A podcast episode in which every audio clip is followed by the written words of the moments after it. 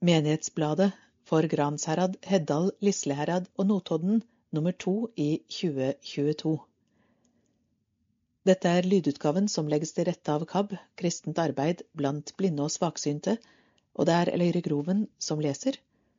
Redaktør er Hanne Turmer. Kjære leser. Det er fortsatt krig mellom Russland og Ukraina. Vår tidligere sogneprest Rune Lia er brennende engasjert i hjelpearbeidet i Ukraina. Han sa opp stillingen som sogneprest i Notodden menighet for å hjelpe flyktningene ut av krigsområdene. Stiftelsen han leder, har allerede hentet mange ukrainske flyktninger til trygghet i Norge. Vi håper på diplomatiske løsninger i konflikten mellom disse landene, og holder pusten så lenge usikkerheten råder. Notodden har så langt bare fått noen få ukrainere bosatt, mange sitter fast i mottak eller velger å holde seg nærmere Ukraina. Sogneprest Anne-Berit Sunde søkte, og fikk stilling som sogneprest i Nome, så nå er to av tre sognepreststillinger ubesatt. Heldigvis har vår kjære Sverre Henriksen tatt både konfirmantarbeid og mange gudstjenester. Takk for det, Sverre. Prost Asgeir Sele deler sine tanker om utlysning og tilsetting av to nye prester i våre menigheter i dette bladet.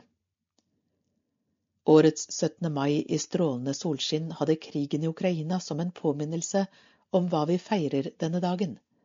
Frihet, egen grunnlov, demokrati og selvstendighet er ingen selvfølge. Også Norge måtte kjempe for sin frihet. Engasjement rundt barnetog og borgertog var stort. Det virket som det var et oppdemmet behov for å samles til en tradisjonell 17. mai igjen, etter tre år med koronaregler. Utegudstjenesten ved Bok- og Blueshuset var godt besøkt. Det er flott å være ute, høre på damekoret og synge Ja, vi elsker sammen. Endelig er Norge åpnet opp for vanlige gudstjenester, korøvelser, konserter og arrangementer, kirkekaffe og ulike samlinger. Det er godt å kunne treffes uten munnbind og meterstokker så tror jeg håndvask og holde seg hjemme når man er syk, er gode vaner å ta med seg videre etter pandemien. I dette nummeret kan du lese om kommunens leder for utedrift og eiendom, Tor André Hauge, og om gjenbruksbutikken. Som alltid er det én side av og om konfirmantene. Hver menighet vil fra nå av ha to sider de disponerer selv. Det er så mye å skrive om. Det er plass til nye skribenter og rekrutter til redaksjonen Nye annonsører er også hjertelig velkomne. Ta kontakt med redaktøren hvis du har ideer og innspill. Jeg ønsker alle en riktig god sommer. Hanne Turmer, redaktør. Tor André Hauge, drift- og eiendomssjef i kommunen, av Hanne Turmer. Alle på Notodden har merket energien og løsningsevnen hos vår nye drift- og eiendomssjef, men hvem er denne isbaderen fra Bergen? Notodden er en koselig by. Tor André sier han falt for Notodden allerede da han var på intervju for stillingen. Byen var liten og koselig. Det var nærhet til vann, turmuligheter, by og mange hyggelige folk. Han går alltid all in når han gjør noe, også denne gangen. Han overlot hus og bil i Bergen til barna og meldte flytting til Notodden. Resultatorientert leder. Vi ser allerede konkrete resultater. Han er opptatt av å ta vare på de verdiene som ligger i bygninger, infrastruktur, frivillighet og næringsvirksomhet. Vedlikehold og reparasjoner bidrar til at samfunnet fungerer. Vi har sett at kirketrappen opp Notodden kirke er reparert. Tinnfossbadet kan brukes igjen. Vannfronten er ryddet, og gangveien ved Lindstå er sikret og oppgradert. En rekke store og små prosjekter er løst til beste for skoler, kirker, organisasjoner og kommunale bygg stort hjerte for frivillighet. Tor André har kommunalt ansvar for at kommunale anlegg og bygg holdes i orden. Han brenner for at frivillige ikke skal slite seg ut på tungt vedlikehold og dyre løsninger. Fotballområdet på Setre er et eksempel på denne filosofien. Det framstår etter oppgraderingen som fint, helhetlig og er mye lettere å holde i god stand. Avtaler om drift og vedlikehold er på plass, og både skolene, snøgg fotball og mange uorganiserte kan bruke området med glede. Avtaler med Heddal IL, NFK, etablering av badeplass ved Follsjøen, vedlikehold av Lindstå, viser den samme forståelsen. Mange fritidsinteresser På fritiden er Tor André hundeeier og mye på tur. Han padler kajakk og bader i Heddalsvannet året rundt, gjerne to-tre ganger i uken, både sommer og vinter. Han leser mye og variert, spiller sjakk og er interessert i musikk. En gitaristfortid i band og en kort karriere i Bergen Kammerkor. Kanskje har vi en rekrutt til et av byens mange kor? Samarbeid med kirkevergen er viktig. Som leder for eiendom og utedrift er han i tett kontakt med kirkevergen. Viktige oppgaver framover er å finne parkeringsløsninger rundt Notodden gravlund. Her strever mange. Universell utforming med tilrettelegging for dem som bruker rullestol, ganghjelpemidler eller har andre utfordringer er prioritert. De fire kirkene er ulike. Alle er flotte, og alle har grensesnitt mellom kirkeverge og kommune. Kirkeparken er vakker til 17. mai-togene og sommerens aktiviteter. Hjertet nær kirken. Tor André ønsker å besøke alle kirkene i løpet av 2022. Han omtaler seg som en stillferdig kirkegjenger på bakerste rad, og har fått med seg noen gudstjenester og begravelser i kommunen. Han ønsker å bidra til at kirker, kirkegårder og gravlund kan ramme inn tro, håp og kultur på en god måte. Født 1964 i Bergen, skilt, tre voksne barn. Han tok handelsgym og tenkte NHH. Det ble i stedet karriere som offiser i marinen til 1991. Etter avsluttet tjeneste gikk han over i stillinger innen sikkerhet og marinedykking, Nutec. Han har etablert egne bedrifter innen beredskap, oljevern, industriell overflatebehandling og vært regiondirektør i et større firma innen utstyrsutleie. Min salme. Han tek ikkje glansen av livet, av Trygve Bjerkreim ved Ingebjørg Flatland. Denne salmen har trolig blitt sunget oftere i bedehusene enn i kirken. Den er å finne i sangboken som nummer 168 og i Norsk salmebok som nummer 355 med fem strofer. Denne sangen har gitt og gir meg en dyp opplevelse av trygghet, og jeg kjenner på gleden ved å gis anledning til å dele den med Menighetsbladets lesere. I min barndom og tidlige ungdom hadde vi bedehusene som møteplass og samlingssted for åndelig fordypning og forståelse. I bygda mi Heddal hadde vi seks bedehus som jeg kan huske navnet på. Bedehuset var datidens ungdomsklubb. Vi ble alltid ønsket velkommen, og vi fikk rikelig med hjertevarm voksenkontakt. Mitt bedehus het Nordbygda misjonshus. I dag heter det Heddalshuset. Det blir fremdeles tatt vare på av ildsjeler. Jeg er dypt takknemlig over det åndelige budskapet og vennligheten vi ble til del i tidlig alder. Først årene på søndagsskole, siden også barneforening og Yngres. Vi sang mye på disse samlingene som ofte ble holdt i hjemmene til våre ledere, og det ble holdt andakt. Vi fikk kakao og noe attåt. Vi flettet pedikurver og laget annet håndarbeide som skulle loddes ut på basar.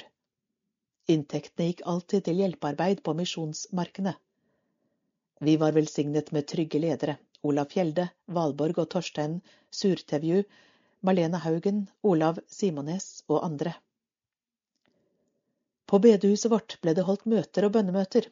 Der var gjerne en trofast flokk av naboer. Vi unge engasjerte oss gjennom å være stillferdig til stede av og til, det kristne budskap i tekstlesing og sanger la grunnlaget for den trygghet jeg nå er velsignet med. En verdifull del av det hele var selvsagt fellesskapet. Vi gledet oss alltid over å få komme sammen. Vi var gode venner i tykt og tynt. Så å si hele Grennas jenter kom til disse gode møtene. Litt underlig kanskje, men jeg kan ikke huske at guttene kom til disse trygge og hjertevarme samlingene Sannsynligvis var de hjemme og mekket sykler eller mopeder. Jeg kjenner meg sikker på at når dere leser disse gode versene, vil dere forstå et av grunnlagene for min kristne tro, som en enkel illustrasjon av hva som rørte seg i oss barna som hadde fått lære mange av de kristne sangene. En kjær slektning fra Hjartdal ble som lita jente svært opptatt av at sangen Ingen er så trygg i fare som Guds lille barneskare handlet om at Gud passet spesielt på en kar som syklet omkring i bygda med hele sitt jordiske gods på bagasjebrettet. Han het Bjarne Skaret. Vennlig hilsen Ingebjørg Flatland. Han tek ikkje glansen av livet, den frelsar som kaller på deg. Først da kan for alvor du leva, når han får deg fylja på veg. Du høyrer dei dårane røyster, som lover deg gullglim og glans. Men ingen legg lys over vegen som Jesus og kjærleiken hans. Han hjelper i brattaste bakkar og stør deg når vegen vert smal, han signar dei sollyse sletter og lyser i dødsskyggens dal. Han fører deg frelst over fjorden, heilt fram til den himmelske strand. Når døden sin brottsjø du møter, vil Jesus dra båten i land. Han tek ikkje glansen av livet, han gyller din morgen og kveld, og åpner ei dør til dei salar der evige høgtid du held.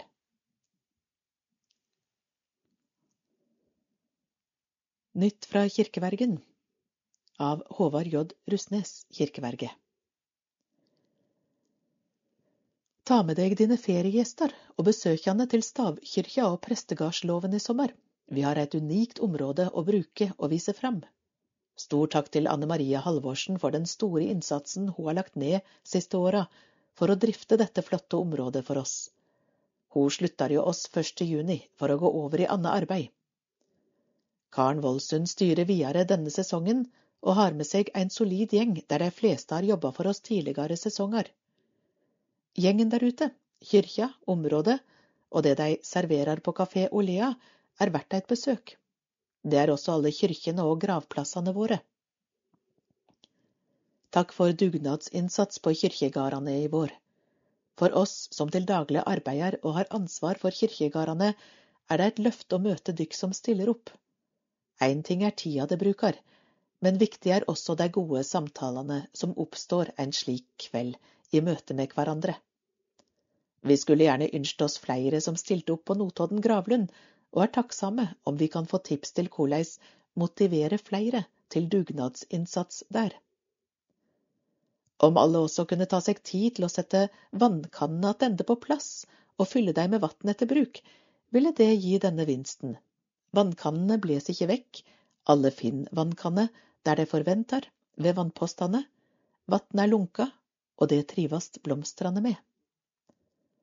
Urneveggen på Notodden gravlund har fått stor merksemd etter den sto ferdig i fjor og ble teken i bruk i mars i år.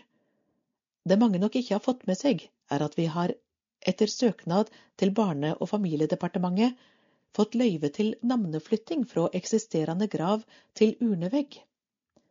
Dette betyr at ved gravlegging av urne i urneveggen kan en slette grav og søke om navneflytting fra eksisterende gravminne til urnevegg. En kan det samme ved gravlegging av urne i Namna minnelund, men da kan en bare få med seg ett navn, altså totalt to navn per navneløv. Ved navneflytting til Namna minnelund vil det da på navneløv ikke være plass til minneord, bare navn, født og død dato. På dørene i urneveggen er det derimot større plass, og plass til flere navn og minneord. Når det gjelder urne- og kistegraver, skal gravminnet eller gravstøtta i hovedsak stå der vedkommende er gravlagt, slik at det er samsvar mellom grav, gravminne og det navn som står på gravminnet. Gravplassmyndigheten kan imidlertid gi tillatelse til at navn påføres et gravminne på en annen stad enn der vedkommende er gravlagt. Navnet må da fjernes fra det opprinnelige gravminnet. Forskrift til lov om gravplasser, kremasjon og gravferd, paragraf 21.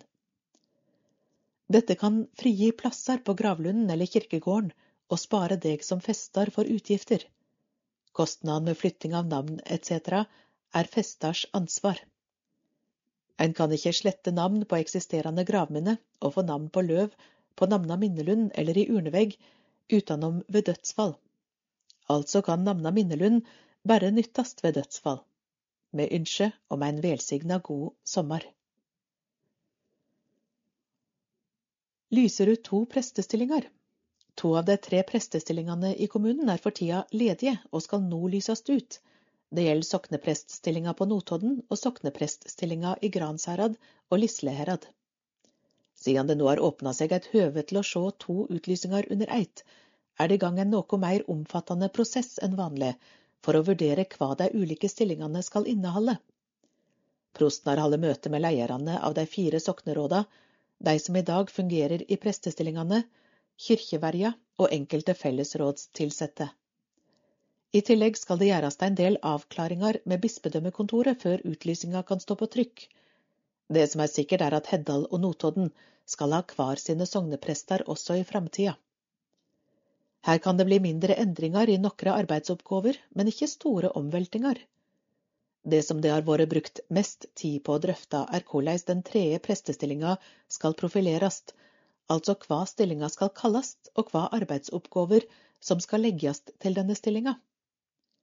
I tillegg er det under drøfting hvem av de tre prestene som skal ha sogneprestansvaret i Gransherad og i Lisleherad. Prosten har som mål å ha utlysningene klare i slutten av mai, og at tilsetting skjer i bispedømmerådet sitt møte 31. august. Det er krevjende å få søkere til prestestillinger for tida. På landsplan er det over 100 ledige stillinger. Så om noen kjenner noen som kan oppmoast til å søke, så er det veldig velkomme, uttaler prosten. Hva skjer i Heddal? Endelig er det tid for countrygudstjeneste igjen. Søndag 12. juni går den syvende countrygudstjenesten av stabelen igjen. Grunnet pandemien var vi nødt til å avlyse både i 2020 og i 2021, men nå kan vi endelig samles igjen. Etter countrygudstjenesten i 2019 var vi egentlig innstilt på at den sjette var den siste, men etter mange tilbakemeldinger skjønte vi raskt at dette er noe som virkelig har truffet en nerve blant folk. Vi har derfor gleden av å igjen, og for syvende gang, invitere til en gudstjeneste med Guds ord, allsang og countrymusikk. Som i tidligere år er denne gudstjenesten et samarbeid med Den norske kirke og frimenighetene i kommunen. Følgende menigheter deltar i år. Den norske kirkes menigheter i Notodden kommune, Betesta pinsemenighet, Elim misjonsmenighet, Betania pinsemenighet, Tinnesmoen bedehus, Rock Church, Heddal misjonskirke og Notodden misjonskirke. I år er det pastor i Betesta, Frank Erlandsen, som er taler, mens folk fra de forskjellige menighetene deltar under gudstjenesten. Saleband fra Elim er som vanlig husbandet, og i tillegg bidrar Trond Ytterbø, Inger-Lise Amundsen og Olav Aier med musikk. En stor takk til alle som bidrar. Gudstjenesten blir ledet av sogneprest i Heddal, Terje Nyvold. Vi håper på stort oppmøte. Ved fint vær blir gudstjenesten på plenen utenfor låvekyrkja. Ta med stol. Ved dårlig vær flyttes gudstjenesten til låvekyrkja. Vi ses på countrygudstjeneste. Musikalske høydepunkter i Heddal. 2. oktober planlegger vi konsert med Roland Utbult i samarbeid med Betesta. Skjærgårdssang koordinerer Roland Utbults reise i Norge. Arrangementet blir på Betesta. Roland Utbult er en kjent og kjær svensk sanger, forfatter og riksdagsmann. Midt i oktober blir det en ny TC-gudstjeneste i Stavkirka. Dette er en gudstjeneste som inviterer til ro og ettertanke, der sang som meditasjon har en fremtredende rolle. Vi ønsker å arrangere TC-gudstjenester én til to ganger i året. Lovesang 2022 går av stabelen 23. oktober. Lokale artister og band er på plass. Svein Olsen fra Skjærgårdssang vil også i år være møteleder. Løpende informasjon vil bli lagt ut på Facebook utover sommeren og høsten. 20. november planlegger Låvekoret 25-årsjubileumskonsert i Låvekyrkja. 27. november får vi mulighet til å stifte et nytt bekjentskap. Trude Kristin Klebo. Hun er en ung sanger, pianist og låtskriver som blant annet har jobbet mye sammen med saksofonisten Frøydis Grorud. Gjennom skjærgårdssang har vi fått henne til Låvekyrkja for en julekonsert der hun synger og spiller piano. Sommersesong ved Heddal stavkirke 2022. Stavkirken, Kafé Olea og Olea-butikken har åpent hver dag fra 13. mai til 20. september. Se heddalstavkirke.no for enkeltdatoer med endrede åpningstider og mer informasjon om utstillinger og Sigurd-show. Det er dessverre ikke mulig å leie lokaler i prestegårdsloven i denne perioden. Velkommen til drop-in-dåp. Lørdag 24. september klokken 12 til 13.30 arrangeres det drop-in-dåp i Heddal stavkirke. Har du utsatt dåp på grunn av koronakrisen eller annet? Er du av en eller annen grunn ikke selv blitt døpt?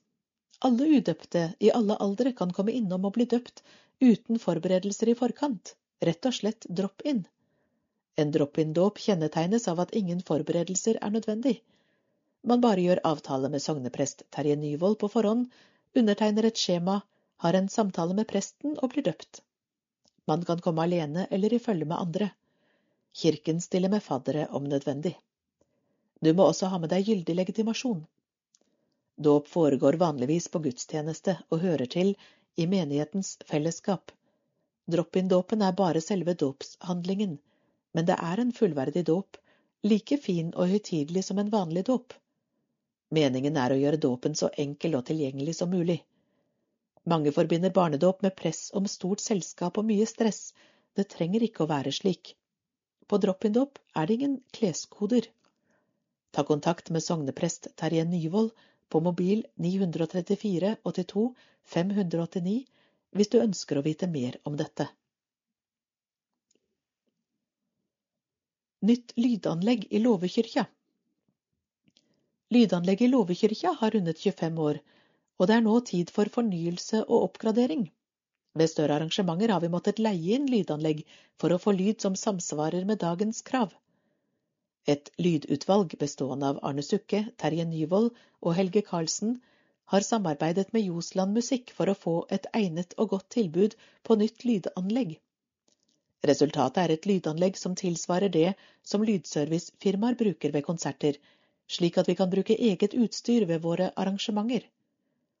Tilbudet inkluderer også oppgradering av høyttalerne i øvre salen, bak når skilleveggen er tatt bort, Teleslyngen vil fortsatt fungere som nå, tilkoblet det nye anlegget.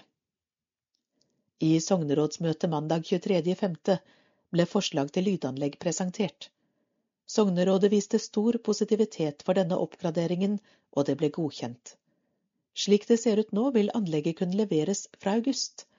Vi ser fram til å ha det operativt til låvesang 23. oktober.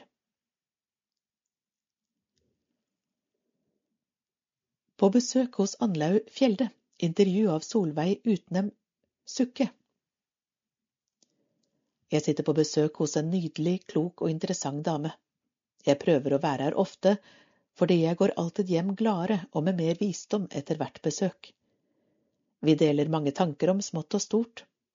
Anlaug Fjelle heter hun, 94 år gammel, født i mellomkrigstida i 1928 og oppvokst i Heddal i Trolldalen sammen med to søsken og bodd der sammen med mor og far.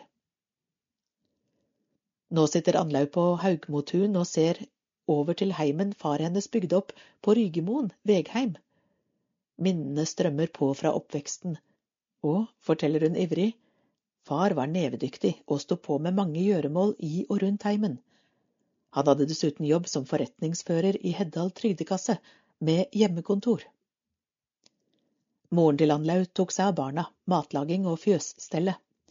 De hadde lite penger å rutte med, men en raus og åpen heim var det alltid. Anlaug sier, nå som levetida mi blir så lang, er det godt å se tilbake. Jeg er glad for at jeg fikk vokse opp i en kristen heim. Hun er urolig for at kristendommen får mindre og mindre plass i samfunnet. Mor og far var harmoniske, sosiale og glade i kirken, korsang og misjonsarbeid, og var gode og kjærlige foreldre. Faren hadde fast plass på tredje benk i kirken, mens morens faste plass var i forsangerkoret på motsatt rekke. Anlaug, veslejenta, fulgte til kirke hver søndag og valgte selv plass, enten ved faren eller ved moren. Her lærte Anlaug tidlig salmer og sangglede som har fulgt henne hele livet. Faren drev søndagsskole i kapellet, og som femåring lærte Anlaug å spille gitar. Dermed ble hun en fast sang- og spillejente som fulgte foreldrene sine til kirke og husmøter over hele bygda. Anlaug var 14 15 år da hun kjente så sterkt på at eller bestemte seg for Jesus blir en venn for livet. Allerede da ble hun med sin far, som var prestens medhjelper, rundt omkring i hjemmene i bygda og spilte og sang alene ved bisettelser. Far og mor var flittige bibellesere, forteller den sindige damen, og jeg var liten, men satt stille og lyttet i respekt. Da fikk jeg også lyst til å lese i Bibelen, en bok jeg har lest flere ganger og blir aldri lei bøkenes bok. Anlaug har stor bekymring over hvor svakt den kristne tro står i samfunnet i dag. Jeg kan ikke lenger møte opp i kirken, men jeg kan være forbeder. Jeg har en lang liste, sier hun. Det hviler en ro og trygghet over Anlaug. Fysiske plager tar ikke motet fra henne. Hun takker for hver dag, er trygg, men lengselen etter himmelen er stor, avslutter hun med et stort smil, og siterer den første sangen hun lærte. Jesus vil ha alle, ikke en så ussel er at han ikke har ham kjær, at han frelser nå og her. Jesus vil ha alle. Hva skjer på Notodden? Tom Christiansen til Blå messe av Sverre F. Henriksen. 7. august går Blå messe av stabelen i Notodden kirke. NRK Radio vil sende gudstjenesten direkte. Det er blitt en lang tradisjon at Notodden kirke har en spesiell gudstjeneste på avslutningsdagen for Notodden Bluesfestival. Årets Blå messe vil nok for mange toppe listen av flotte gudstjenester under festivalen. Tom Christiansen NRK-mannen Tom Christiansen blir årets taler. Han er nok best kjent som korrespondent i Afrika i mange år. Han har en unik kunnskap og erfaring fra dette området, og reiser nå land og strand rundt med foredrag om sine år som Afrikakorrespondent. Det er likevel ikke dette som har fokus under Blå messe. Da vil han ta for seg flere møtepunkter Jesus har med mennesker. Blant annet er bluesen et slikt møtepunkt. Åste Hundes Sem Årets gjesteartist på Blå messe er Notoddens egen Åste Hundes Sem. Åste er solid etablert som artist. Hun har tidligere vært hovedartist på lørdagskonsertene i kirken under festivalen. Åste er en sprudlende, intens, engasjerende gospel-, blues- og soulsanger som garantert vil bli et mektig bidrag i Blå messe. Gratulerer av Inge Våge. Anne Marie Strømsbo fylte 90 år den 9. mai 2022. Hun avsluttet sitt mangeårige medlemskap i Notodden kantori rundt siste årsskifte. Hun hadde da vært med i koret fra det ble reetablert med Egil Skotte som dirigent. Hun var altså en veteran i kantoriet da hun rundet av.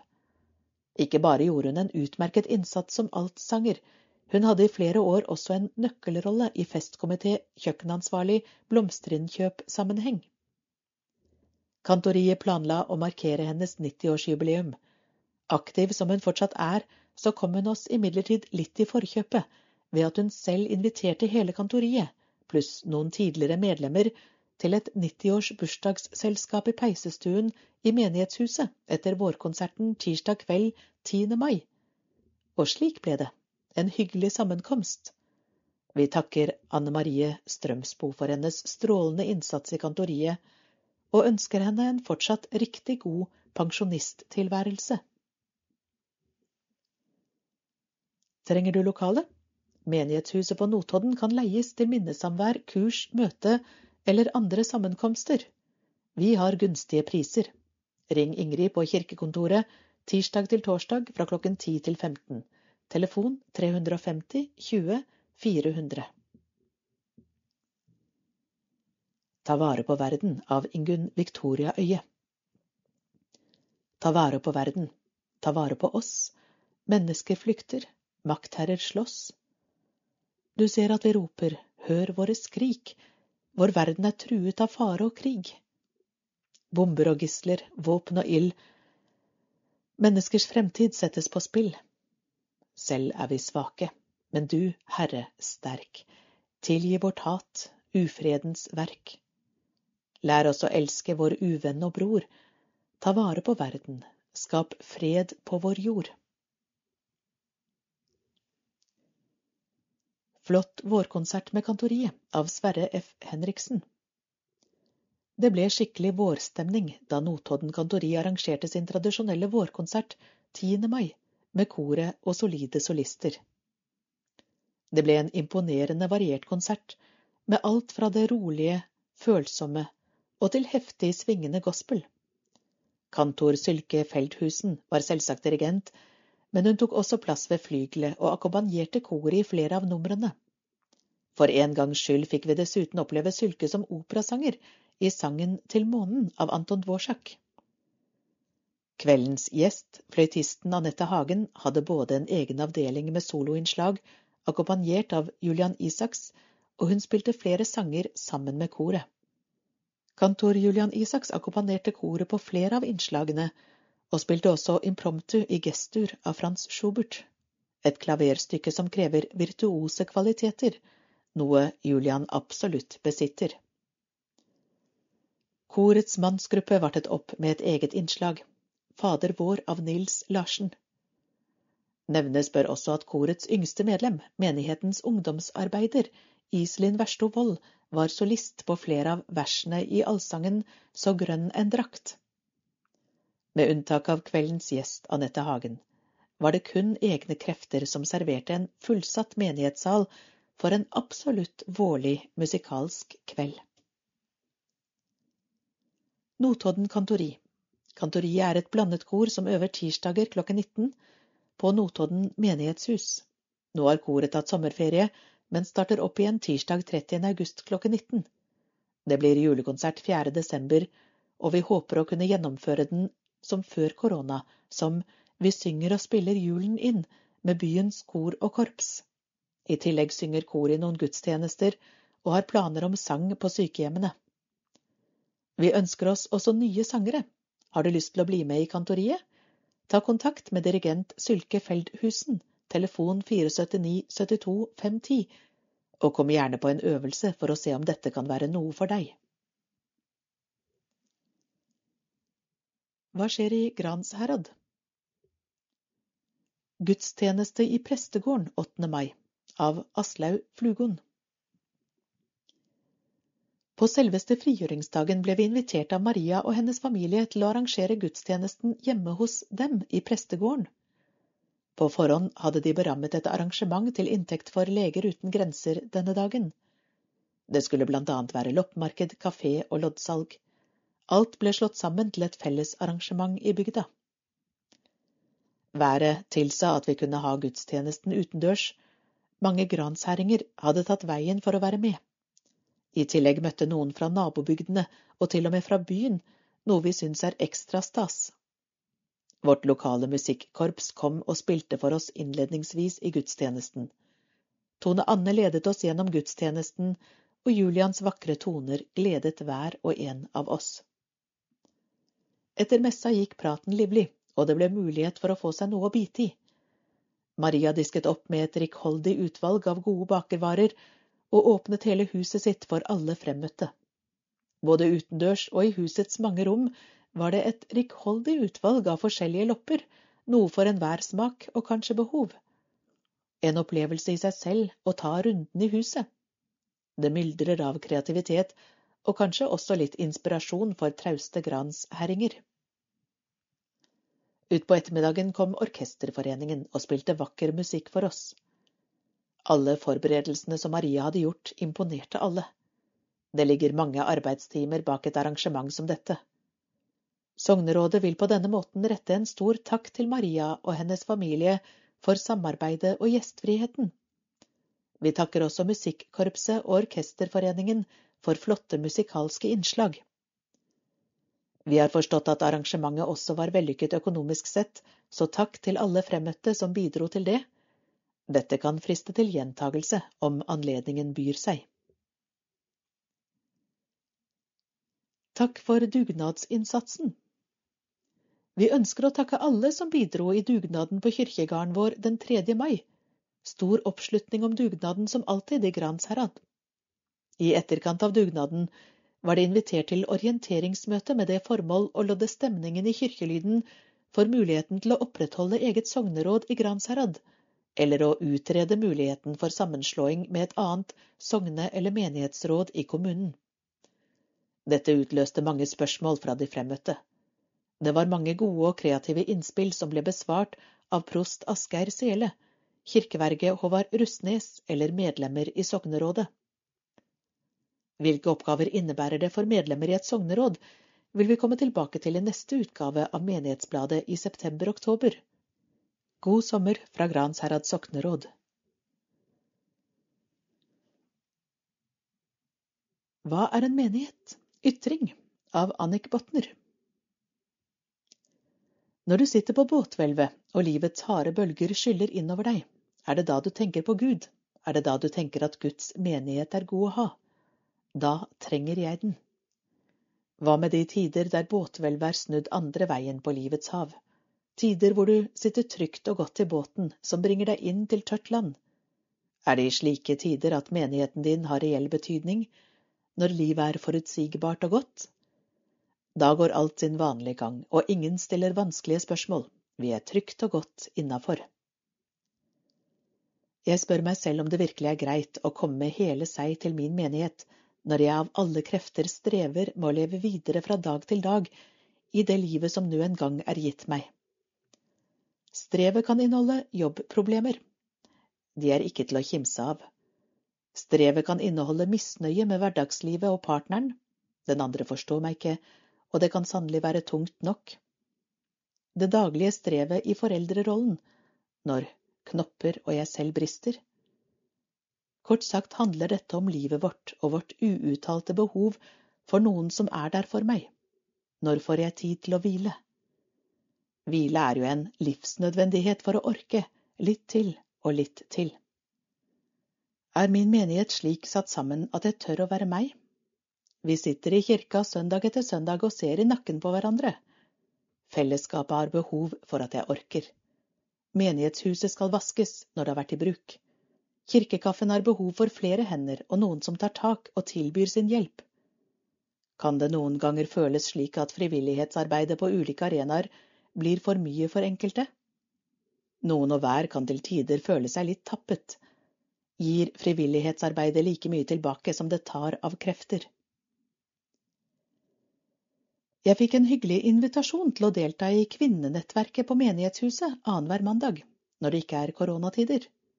Samværet, slik jeg opplever det, preges av vennlighet og interesse.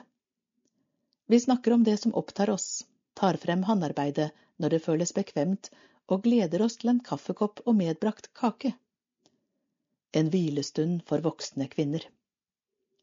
Noen snakker om sin tro, andre lytter. Det er en respektfull avstand til den innste grinda, som Haldis Moren Vesaas skriver så klokt om. Andre temaer bringes opp, temaer som kan bety noe for hver og en av oss. For meg er dette menighetslivet som gir noe tilbake. Kirkekaffen hver søndag er også en slik hviletid for voksne.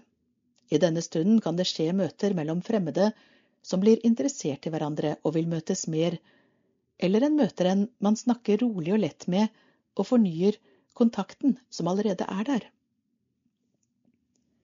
Men stunda på kirkekaffen kan kreve at den er litt opplagt og er på sitt vis en liten sosial øvelse. På tyngre dager kan det føles vanskelig å gå over kirkeplassen og opp trappen. Da kan det være tilstrekkelig med en stille stund i kirkebenken. Kan hende går jeg ikke i kirka på slike litt mørke dager, og da er det greit at ingen etterspør hvorfor jeg ikke var i kirka på søndag, selv om det er i beste mening. Det er ikke så greit alltid å svare på det. Kanskje jeg ikke vet det selv engang. Vårt menighetsliv inneholder så mange elementer. Kanskje vi hadde hatt glede og nytte av å gå inn i hva som enkeltmennesker kan ønske oss mer av innenfor menighetslivet vårt. Hva er vi gode på? Hva kan vi bidra med? Blir det for mange modale hjelpeverb av typen bør, må, skal, så forsvinner kanskje innsatsviljen vår. Kan Menighetsbladet være et forum for å reflektere, snakke sammen om hva vi ønsker oss mer av i menighetens indre liv? I brevet til Galaterne kapittel 1 vers 10 skriver Paulus Prøver jeg nå å bli anerkjent av mennesker eller av Gud? Vil jeg bare være mennesker til laks? Var det fremdeles mennesker jeg ville være til laks, da var jeg ikke Kristi tjener. Spørsmålet blir kanskje at vi spør hva vi kan tjene Gud med gjennom vårt menighetsliv, er han bedt om å være til stede med sin hellige ånd når vi har sognerådsmøter, når vi utfører arbeid i Guds navn på ulike arenaer? Jeg syns det er mange vanskelige spørsmål. Hva skjer i Lisleherad? Årsmøte etter gudstjeneste og kirkekaffe. 20. mars ble årsmøtet holdt i Lisleherad kirke.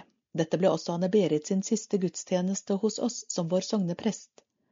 Menigheten fikk gi en flott kopp og et fint bilde, laget av våre lokale kunstnere Lisbeth Bekkhus Solberg og Wenche Midtlien, som vi vet blir satt stor pris på av Anne-Berit. Nå er hun tatt godt imot i Ulefoss, hvor hun er sogneprest i Holla og Helgen menighet, blir en spennende tid hvor Notodden og Lislerad søker en sogneprest og en familieprest til menighetene. Påskeverksted 12. april 2022 Med stor lettelse kunne vi igjen gjennomføre verksted på tradisjonelt vis i lokalene til Lisleherad Montessori-skole. Gøy å se store og små samle oss igjen om det å lage fine ting sammen. Vi lar oss inspirere til å skape ting vi kan ta med hjem eller gi bort til gave. Vi starta kvelden med en liten samling, hvor vi snakka litt om dagene fra palmesøndag, skjærtorsdag, langfredag og til påskedagene, om stenen som var skjøvet bort og graven som var tom. Så kunne vi se om vi fant ting vi kunne lage. Noen starta med maling, andre med saks og papir. Perler og perlebrett fikk også være med i aktiviteten. Underveis fikk en litt å spise, før en kunne fortsette der en var. Dugnad 5. mai 22 Med masse god innsats fra store og små, som sammen gjorde kirkegården fin. Med utstyr og materiell går jobben lekende lett i hyggelig lag med en matbit etter økta. Takk for godt arbeid. Gullkonfirmantjubileum for dem som sto til konfirmasjon 1970, 1971, 1972 og 1973. 15. mai 2022. 15. mai var det endelig tid for å gjøre stas på våre gullkonfirmanter, 50 år etter deres konfirmasjoner her i Lisleherad kirke. Prostiprest Tone Anne Valen tok menigheten gjennom dagens prekentekst med egne tanker og med humoristisk snert som fikk smilebåndene med uten å miste innholdets mening. Kantoriet fylte kirkerommet med vakker sang under kantor Sylke Feldthusen sin gode ledelse og gjorde gudstjenesten ekstra fin for de fremmøtte. Ekstra flott var dagens postludium, som var salme fremført av kantoriet, skrevet av Sylke selv. Etter gudstjenesten gikk turen ned til Eide, hvor det var bestilt bord, da vi ikke ble så mange som først tenkt, som ga tid og plass til å mimre om mangt og meget. Konfirmanter Konfirmantviken på Jønbu av Iselin Verstovold. Helgen etter påske var vi samlet på Jønbu, og endelig var det konfirmantleir igjen. Det var flere av konfirmantene som hadde gledet seg til denne turen helt siden leiren i høst ble avsluttet. Tema for konfirmantleiren i april var tro, håp og kjærlighet. Vi hadde tre fellessamlinger hvor leirsjef Ragnar, ungdomsleder Heidi og ungdomsarbeider Iselin underviste i disse tre temaene. På lørdag formiddag gikk vi en liten fjelltur i nærområdet og spiste lunsj i friluft. Kokken Tone Susanne, i samarbeid med ungdomslederne, lagde god stemning med grilling av pølser, steking av sveler og servering av kakao med krem. Weekenden ble avsluttet med gudstjeneste, hvor foreldre, søsken, konfirmanter og menigheten deltok. Under gudstjenesten var det mange herlige innslag, deriblant kantoriet, som var forsangere, og hadde to rytmiske korinnslag. Det var en flott helg med mye moro, aktiviteter, leirdans, undervisning, underholdning, gudstjeneste og mye mer.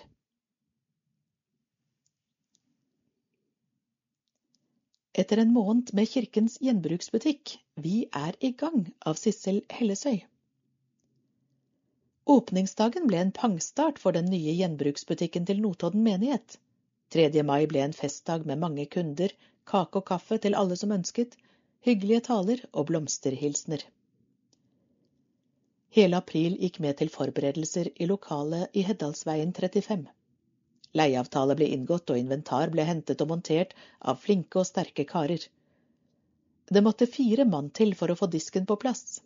Dyktige damer tok hånd om rengjøring og innkjøp, og steg for steg begynte lokalet å bli slik vi ønsket. Da påske nærmet seg, var det tid for å ta imot varer, og folk kom med poser og kasser. Vi sorterte og priset, arrangerte og revurderte. Det var gøy å få varer i hyllene.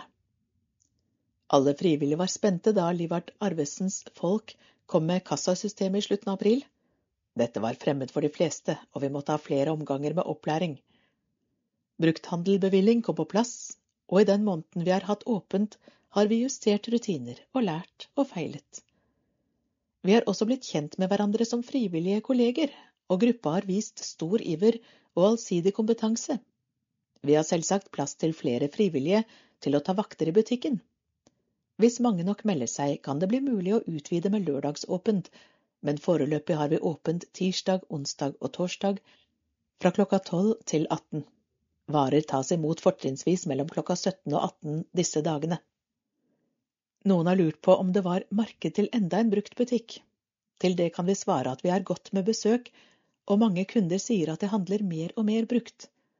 Vi er stolte av å være med på bevegelsen for bærekraftig forbruk, og samtidig er vi et treffsted der byens folk kan sitte ned litt og slå av en prat ved behov. Velkommen til Kirkens gjenbruksbutikk.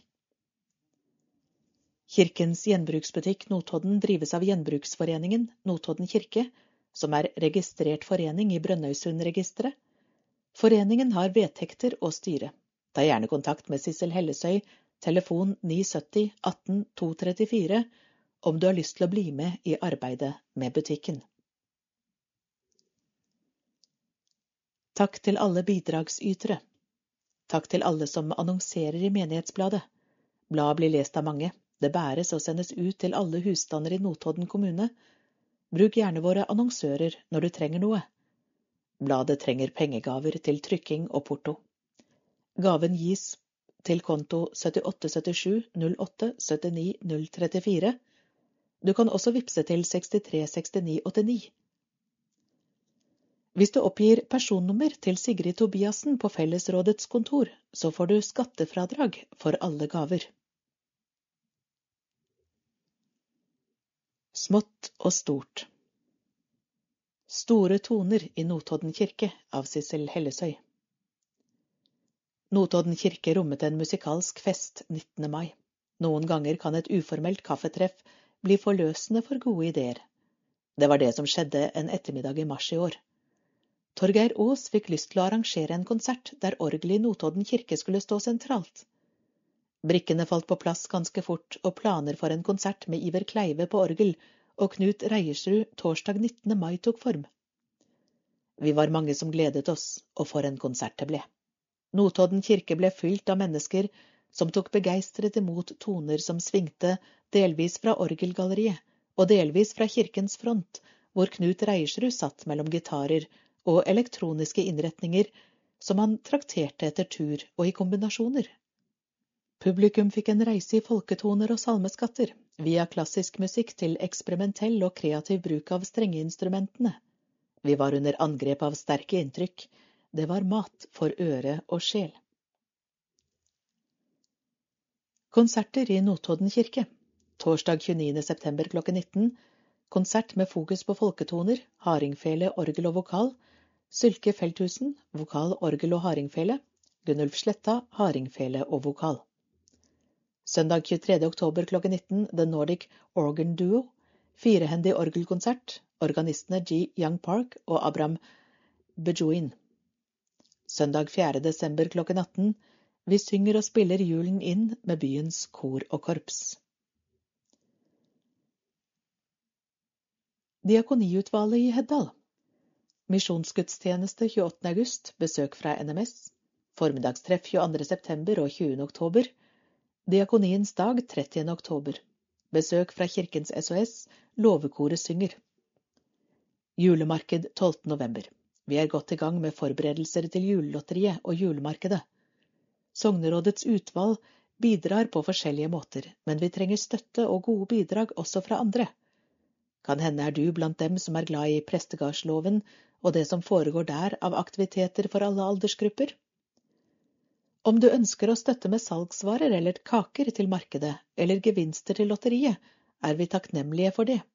Da kan du ta kontakt med en av disse. Terje Nyvold 934 82 589. Liv Johanne Helganger 932 90 610. Gunn Karine Horne Kolbjørnsrud 906 25 549. Mer informasjon kommer i septemberutgaven av Menighetsbladet. Lisleherad får storbesøk fra Sverige. Inga Mai Hørnberg og Lennart Sjøholm besøker Lisleherad kirke fredag 23. september klokken 18. Billetter fås kjøpt ved inngangen. Kontanter, VIPS eller bankkort. Entré kroner 150. Slekters gang i våre fire menigheter. Døpte Notodden. Ailo Lisland Slåstuen. Alva Bergestig Saualia. Eira Eliassen Urdal, Selina Josland Kvålseth, Jennifer Josland Kvålseth, Jerry Robert Forsberg, Jørgen Tobiassen, Nina Haugen Kasin, Tobias Sørli Nykås, Råmund Listaul Larsen, Robin De Nicola. Lislærad Nikolai Tverdalen, Håkon Røros Håberg. Heddal Halvor Kjønheim Kleven. Aria Opptun, Isabel Rosenberg, Lars Milian Bjørnsen Torjussen, Liam Michael Fenton, Luna Moen Dalviken, Natalie Leithaug Høybyhagen, Jaden James Fenton, Eirik Lande, Alvida Leithaug Høybyhagen, Andrea Flåten Stålen, Even Vårsjø Barikmo, Henrik Våle Rinde. Gransherad, Sigrid Asland Antonsen, Osvald Flugon Helmersen. Vigde, Lisleherad, Lene Kristine Haugland og Jan Erik Tverdalen. Heddal, Katrine Frømyr og Roy Arne Skogen. Døde. Gransherad, Olav Fatnes, født 1928. Solbjørg Setre, født 1970. Rønnaug Øya, født 1933. Valfrid Bolkesjø Brandt, født 1939. Ingrid Aas, født 1935. Lisleherad. Johannes Vårås, født 1936. Notodden. Martin Bergersen, født 1955. Ambros Høymyr, født 1928. Bjørg Eriksen, født 1927. Sverre Ambjørndalen, født 1945. Oddvar Kise, født 1922. Norolf Henriksen, født 1924. Helge Kalbekkdalen, født 1953. Bjørg Bakka, født 1949. Leif Eid Lia, født 1922. Marit Bø, født 1933. Ruth Johanne Håvåg, født 1924. Jan Yngvar Steen, født 1935. Terje Randby, født 1978. Pål Espen Forberg, født 1977. Gunhild Furuvall, født 1929. Åse Velta Tøftvang, født 1943. Eva Hjort, født 1944. Grete Jernquist, født 1943. Agnes Olsen, født 1952. Olav Sønstebø, født 1935. Anne J. Grund, født 1921. Heddal. Olaug Hove, født 1931. Helga Hagen, født 1927. Oddvar Haugan, født 1941. Astrid Gulliksen, født 1933. Tordis Tåserud, født 1929. Bengt Åke Olafsen, født 1954.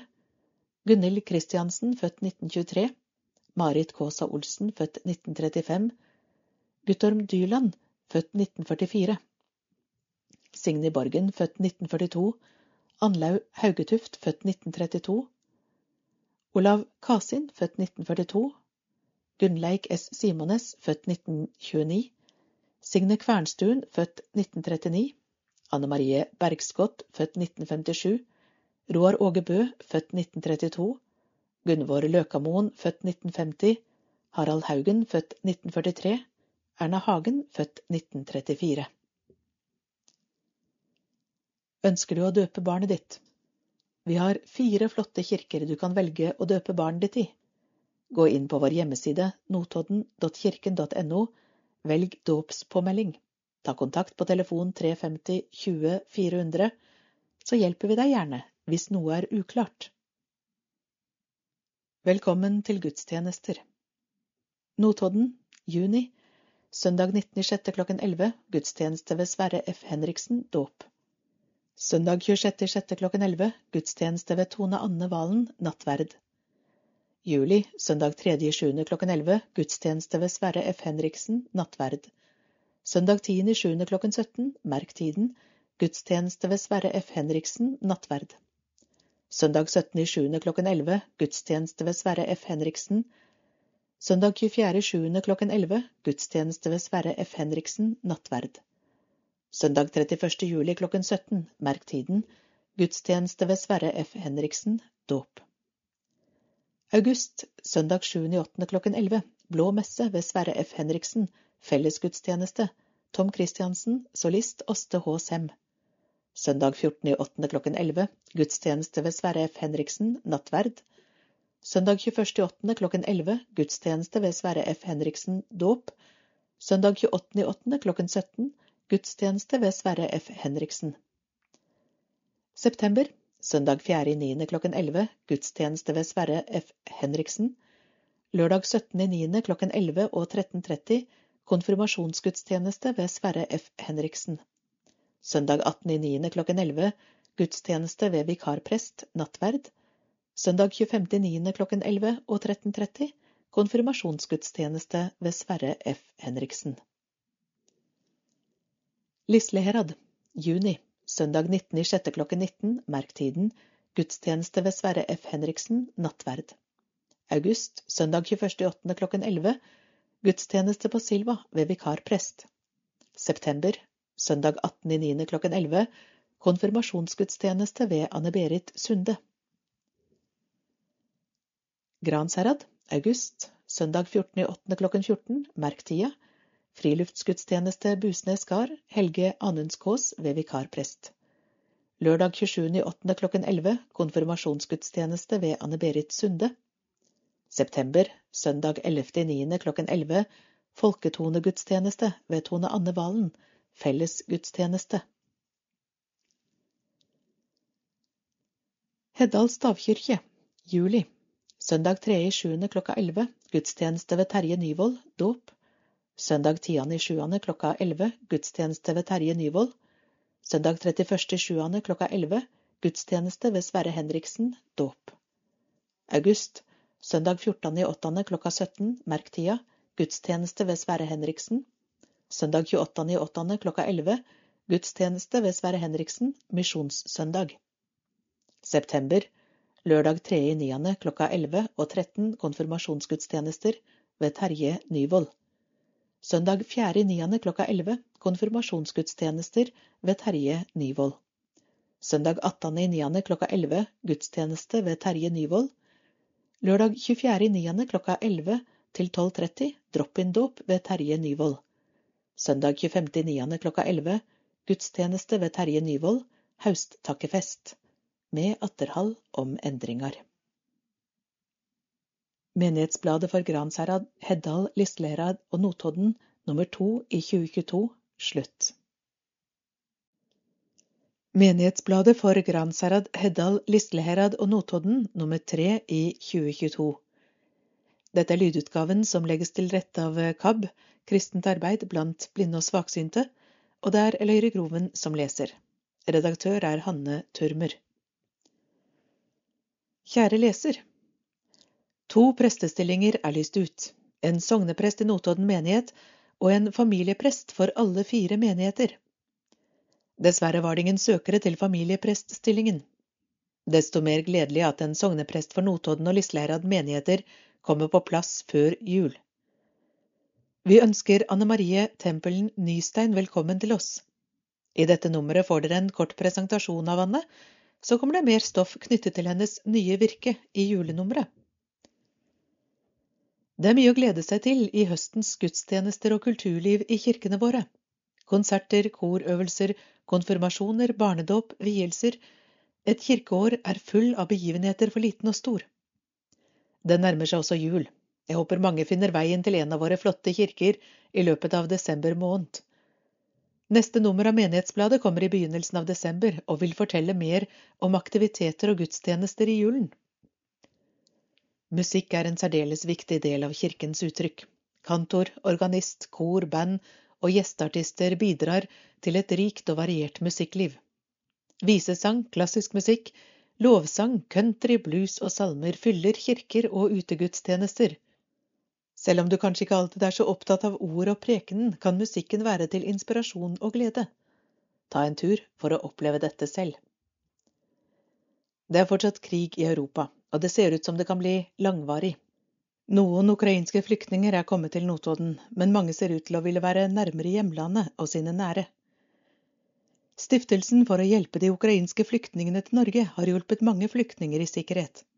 Vår tidligere sogneprest Rune Lia er fortsatt dypt engasjert i dette hjelpearbeidet. Oppmerksomheten daler når en konflikt varer ved, men vi må ikke glemme. Vi må se lidelsene og det meningsløse og hjelpe der vi kan. I september er det konfirmasjonstid. Jeg håper mange unge får en flott opplevelse. Familie, slekt og venner feirer overgang fra barn til voksen, eller kanskje heller fra barn til ungdom. En høytidelig begivenhet der den unge er i sentrum for oppmerksomhet, gaver, gode ord og gode ønsker for framtiden. Kirkens budskap er en del av den norske kulturarven. Det er flott at så mange ønsker å konfirmere seg i kirken. Iselin Versto Wold er vår ungdomsarbeider. Hun forteller fra siste års konfirmantforberedelser. Redaksjonen trenger alltid engasjement og innspill til stoff og saker. Det er bare å ta kontakt. Jeg ønsker alle en riktig god høst.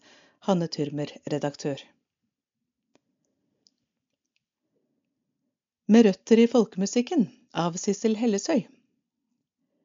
Gunnulf Sletta, 67 år, har folkemusikken i genene. Det merkes når han tar buen fatt og tryller med tonene. I ungdommen drømte han om en karriere som musikklærer på gitar, men da han ikke kom inn på Barrat institutt, tenkte han som så, dette er kanskje godt for noe. Nå kan jeg holde på med folkemusikken også. Og så ble det teknisk landmålerutdanning og 28 år i arbeid for Oslo Lysverker. Når nye boligfelt skulle forberedes, var Gunnulf i felten med måleutstyr og nedfelte hvor kabel og vanngrøfter skulle plasseres. Men musikken var med hele tiden. Gunnulf ble lært opp i felespill fra han var ni år gammel, i hovedsak av bror Nils og onklene sine i Løndalsslekta, Olav, Kittil og Einar, alle kjente spelemenn. Oldefar var den kjente Svein Løndal. Også bror Nils var en anerkjent musiker, og sammen spilte brødrene ofte når de møttes på hyttene sine i Bondal. Gunnulf brukte ørene og tok opp brorens spill på kassett, så var det å prøve seg fram og få veiledning. Som ung mann oppdaget Gunnulf at det var gitar som var populært. Under året på Voss folkehøgskole fikk han varige impulser, og han lyttet mye til all slags gitarmusikk. Opplæring fikk han også etter at han kom til Oslo, da i klassisk gitar. Og så spilte han i band. Jeg trakterte elgitar i danseband og fela i telelaget og andre steder. Vi spilte til dans over hele Sør-Norge i helgene, så det var mange år med et aktivt musikerliv på fritiden, forteller han på sitt klingende mål fra Tuddal. Selv om det er lenge siden han vokste opp i bygda, under Gaustatoppen, holder han dialekten i hevd. Det var et bevisst valg han tok midt på 1980-tallet, og det står han ved. Gunnulf er bosatt på Tveien, og til daglig jobber han for Notodden kirkelige fellesråd som arbeidsleder på Notodden gravlund, og i 30% av stillingen som kirketjener. Utbyggingen av gravlunden har ført til mer arbeid med vedlikehold og langt mer arbeid med vekster, poengterer han. Når han fyller 67 denne høsten, blir det kanskje noe nedtrapping, men ikke noen brå slutt. Og i hvert fall blir det ikke slutt på musikken.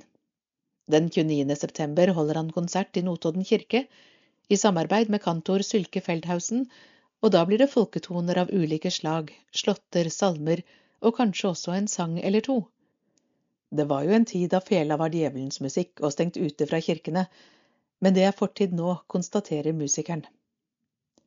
Lugn og jordnær er karakteristikker som passer på Gunnulf. Kunnskapsrik og reflektert også. Når han ser seg om i verden, er det ikke bare lyse utsikter, men ser en nyheter hele dagen, blir det trist. En kan kjenne på en avmakt, da prøver jeg å fokusere på det jeg skal gjøre, og gjøre det godt i hvert fall, avslutter han. Min salme Elias Blix Gud og naturen av Idar Vassli. Jeg regner med at mange kjenner Elias Blix sin hylling av naturen i sangen Og eg veit meg et land langt der oppe mot nord. Der skildrer han kystnaturen på nordlandskysten og sin lengsel tilbake dit. Naturen spiller en stor rolle i hans salmediktning også. Blix er en av de salmedikterne som er best representert i Norsk salmebok. Alle salmene hans er på nynorsk, 32 egne og 15 oversettelser. I salmeboka er han blant annet representert med nummer 54, Nå koma Guds englar med helsing i sky. Dette er den første nynorske salmen som i 1884 ble framført i Norge, i Lårdal kirke. Det var sivil ulydighet i hermetegn, bare bokmål var tillatt i kirken, men hendelsen viser at Blix med sine salmer har fått stort gjennomslag. Andre kjente salmer av Blix er Kling nå klokka, nummer 57, og Gud signe vårt dyre fedreland, nummer 757. Disse salmene og flere andre av dem Blix har skrevet, har til felles en kobling mellom natur og gudstro. Skaperverkets skiftninger ser Blix som et bilde på Guds rike. Nå livner det i Lunnar, nummer 844, er kanskje den sangen der dette er tydeligst. Innledningen av salmen skildrer våren med fagre stunder, der nytt liv av daude gror, vers to. Vinteren avløses av vår og nytt liv. På samme måte vil Gud ved sitt ord skape liv der åndelig mørke og kulde rår. Så sender Gud sin ande som dogg på turre jord, da våkna liv i landet, da grøddest vent Guds ord, vers 7. Blix skiller ikke tydelig mellom folk og kirke. Da er det sele tider for Kristi kirkegrunn. Da lauvas det i lier, da livnar det i lund, vers 8. Da losnar tungebannet. Da kved Guds folk i kor, vers 9, Og i grendene gløder det ein heilag altereld, vers ti. Blix vet at dette håpet ikke fullt ut kan bli realisert i denne verden, men ser i de to siste versene fram mot det evige Guds rike, der Gud griper inn for å skape en ny og bedre vår, der Guds folk uten brest eller brist og sprunge eller sprekk kan lovprise Gud med kjærleik, heil og klår.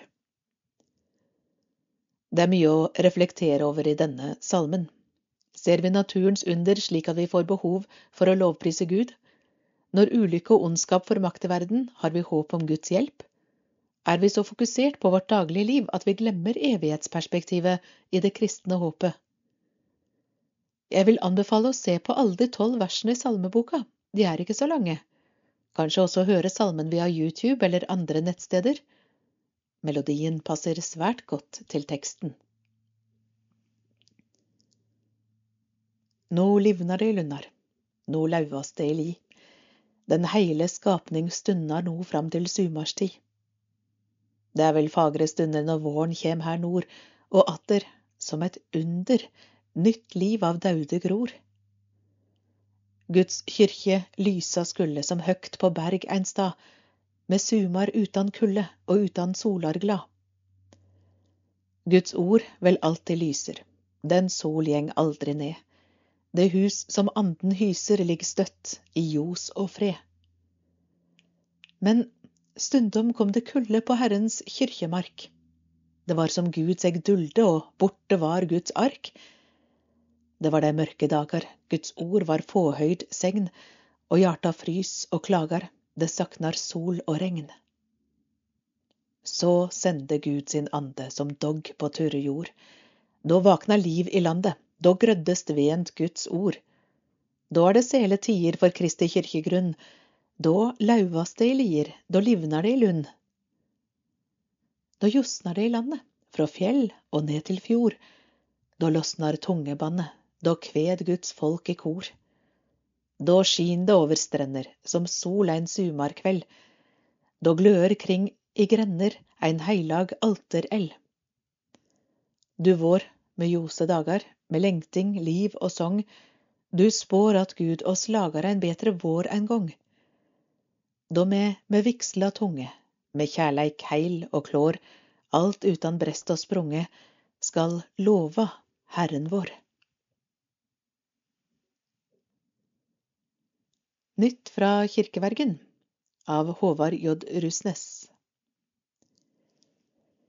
Hvem som har rett til å sørge for gravferden, er regulert i lov om gravplasser, kremasjon og gravferd, gravplassloven paragraf 9, første og andre ledd, gjengitt under. Der det ikke foreligger en skriftlig erklæring fra avdøde om hvem som skal sørge for gravferden, vil rekkefølgen i paragraf 9 andre ledd bli lagt til grunn. Den som har fylt 18 år, kan i skriftlig erklæring fastsette hvem som skal ha rett til å sørge for gravferden. Erklæringen skal være underskrevet og datert.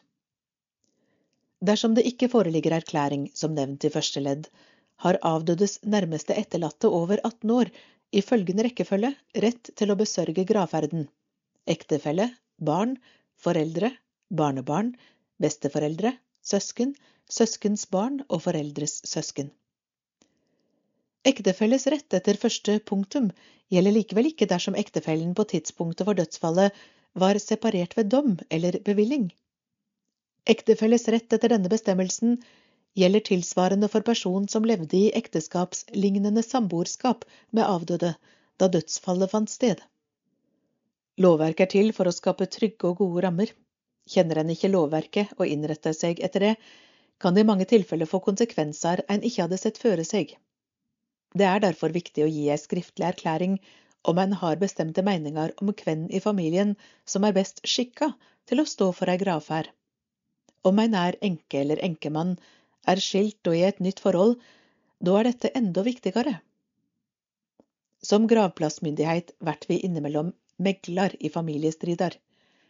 Et eksempel kan være enka som etablerer seg på nytt i et samboerforhold, der den nye samboeren aldri får noe godt forhold til hennes barn.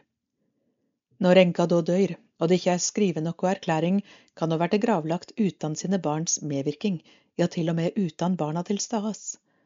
Vi vil derfor råde alle familier til å tenke igjennom dette, og at den enkelte ved behov gir ei skriftlig erklæring om hvem som skal sørge for gravferda. Ei slik erklæring kan oppbevares sammen med et testament, være kunngjort i familien og overlevert gravplassmyndighet i aktuell kommune. Så et par andre påminninger. Vi vil minne om at hunder skal holdes i bånd på gravplassene, vis respekt og ikke la det ligge att noe etter dei. Hunder skal ikke gjøre ifra seg inntil eller på gravminner og blomsterbed. Det er ikke lov å kjøre med bil inne på gravplassene våre om en da ikke har fått løyve til det. Det betyr at en kan ikke kjøre inn til ei grav med blomster og jord. Har en behov for det, må en enten ha med seg noen som kan hjelpe, eller be om hjelp fra de som arbeider der. Om en skulle være uheldig når en kjører inne på gravplassen uten løyve, kan det få konsekvenser for eventuell forsikringsutbetaling og i verste fall prikker i førerkortet. Ønsker dykk alle en god haust, og ta de førehandsregler som er naudsynte. Menighetsrådet har reell innflytelse. Høsten 2023 blir det valg på menighetsråd samtidig med politiske lokalvalg. Kanskje det er din tur denne gangen? Å sitte i menighetsrådet gir reell innflytelse på retning og formål i den lokale menighet av folkekirken vår. Har du en hjertesak, kan du få den på sakskartet, og kanskje gjennomført. Menighetsrådet møtes én gang per måned. I tillegg er det vanlig at medlemmene sitter i et utvalg som jobber med ulike fokusområder. Vi har eksempel utvalg for kultur, diakoni og styre for Låvekirken og for Notodden menighetshus, å sitte i menighetsrådet er interessant arbeid. Kanskje det er din tur fra høsten 2023? Hilsen lederne for våre fire menighetsråd, Sissel Hellesøy, Notodden, Olebjørn Kolbjørnsrud, Heddal, Ellen Mari Bolkesjø Brandt, Gransherad, Elisabeth Re Rosnes, Lisleherad. Hva skjer i Lisleherad? Sanggudstjeneste. Søndag 19. juni ble det holdt sanggudstjeneste i Lisleherad kirke, hvor Magne Dale delte sanger som ga dagens tekster større presentasjon. En fin kveldsgudstjeneste ble det for dem som møtte. Takk for flott sang. Gamle kirkevei. Nå er den gamle kirkeveien igjen åpen for ferdsel, etter at skogsarbeidet som foregikk der er avsluttet og stien igjen er fremkommelig. Kom gjerne til gudstjeneste på en søndagstur hvor skogen gir sti. Høsttakkefest Søndag 16. oktober klokken 11 er det høsttakkefest i Lisleherad kirke, hvor saniteten er med og pynter til høymesse. Fireårsbok og juleverksted. Søndag 11. desember klokka 14 er det gudstjeneste i Lisleherad kirke, hvor det deles ut fireårsbok. Etter gudstjenesten inviterer Lisleherad menighetsråd til kirkekaffe og juleverksted på Lisleherad Montessori-skole klokken 15.20 til 18 for barn i alle aldre. Bli med og lag små ting med stort hjerte. Fint om de minste har med seg noen som kan hjelpe. Kirkevalget september 2023 Vi trenger nye krefter inn i rådet vårt. Dette er et ansvar vi må dele og stille opp om, slik at vi har en oppegående kirke som vi kan samles rundt. Lisleherad menighetsråd kaller inn til et møte i slutten av oktober eller i begynnelsen av november, hvor dere i bygda må fortelle oss hvor vi står. Endelig dato og sted for møtet kommer på aktivitetsside for Lisleherad på Facebook snarest. Har vi ikke nye kandidater på liste i desember, klar til neste valg, står vi der hvor Lisleherad sogn opphører. Minnemesse Lørdag 5. november holdes minnemesse i Heddal låvekirke klokka 18 for menighetene i Heddal og Lisleherad. Silva Utegudstjeneste på Silva 21. august var planen, men en værmelding på morgenkvisten med torden og lyn gjorde at den ble flyttet inn tilbake i Lisleherad kirke.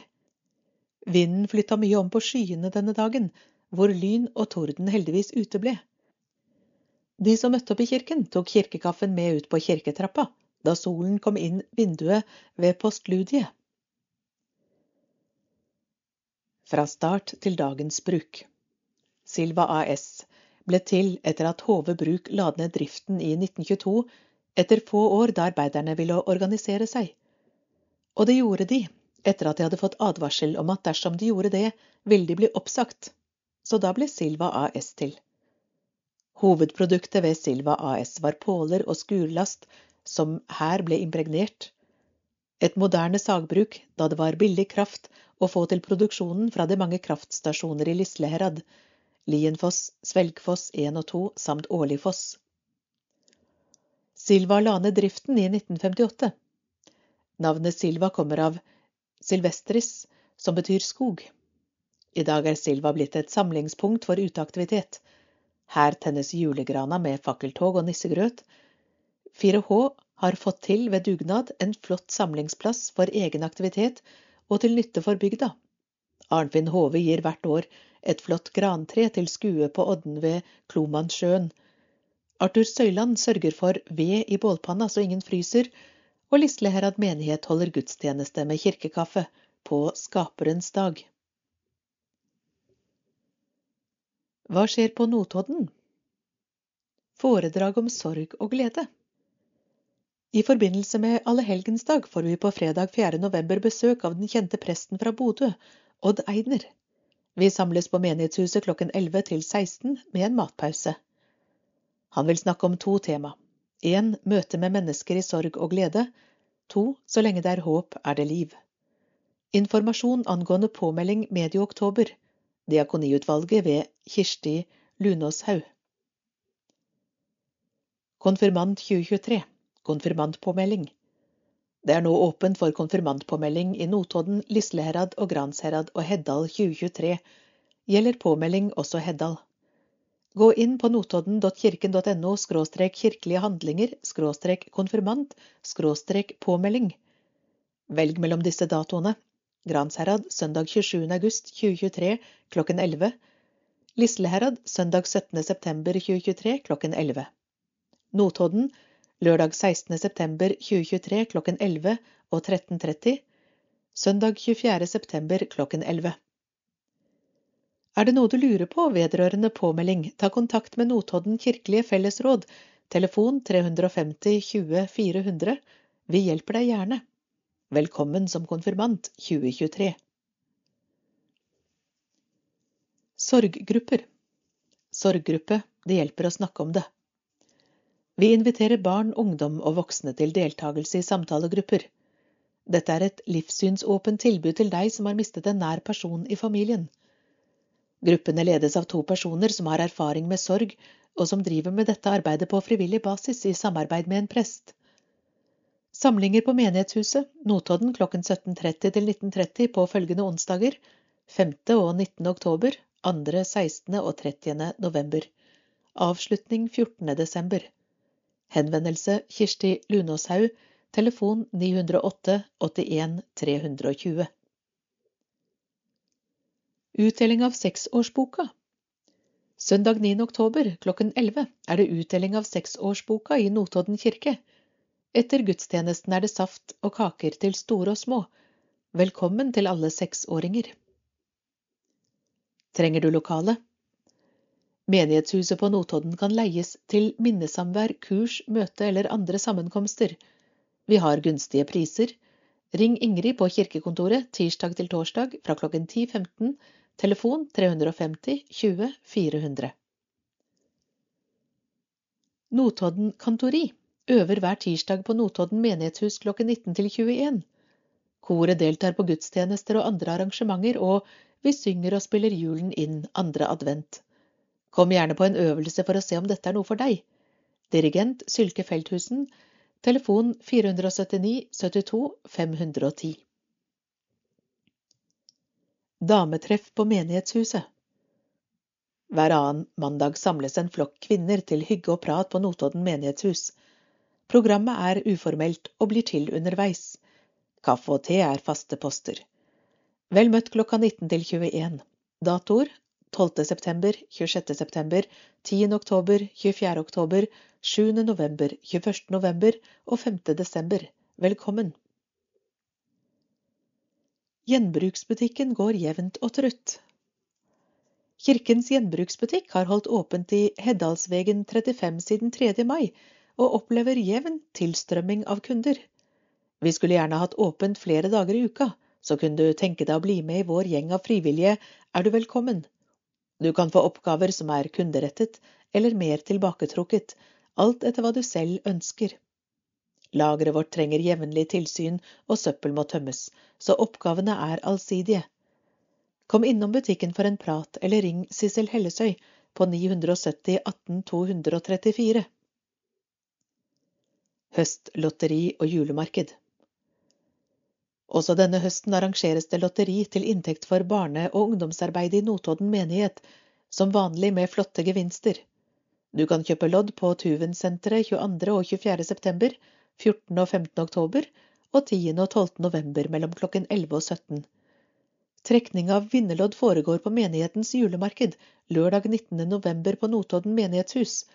Da blir det også salg av julekaker, håndarbeidsprodukter, kranser, julekort med mere. Og det blir kafé. Velkommen! Fest for frivillige medarbeidere. Torsdag 27. oktober blir det fest i menighetshuset for alle som gjør en frivillig jobb for Notodden menighet fra klokken 18 til 21. Det blir god mat og god underholdning. Vi vil også hedre en gruppe frivillige som har stått spesielt lenge i frivillig tjeneste. Det er gratis inngang. Meld deg på til Notodden kirkekontor, telefon 350 20 400, i åpningstiden tirsdag til torsdag klokken 9 til 15. Lurer du på om du regnes som frivillig medarbeider?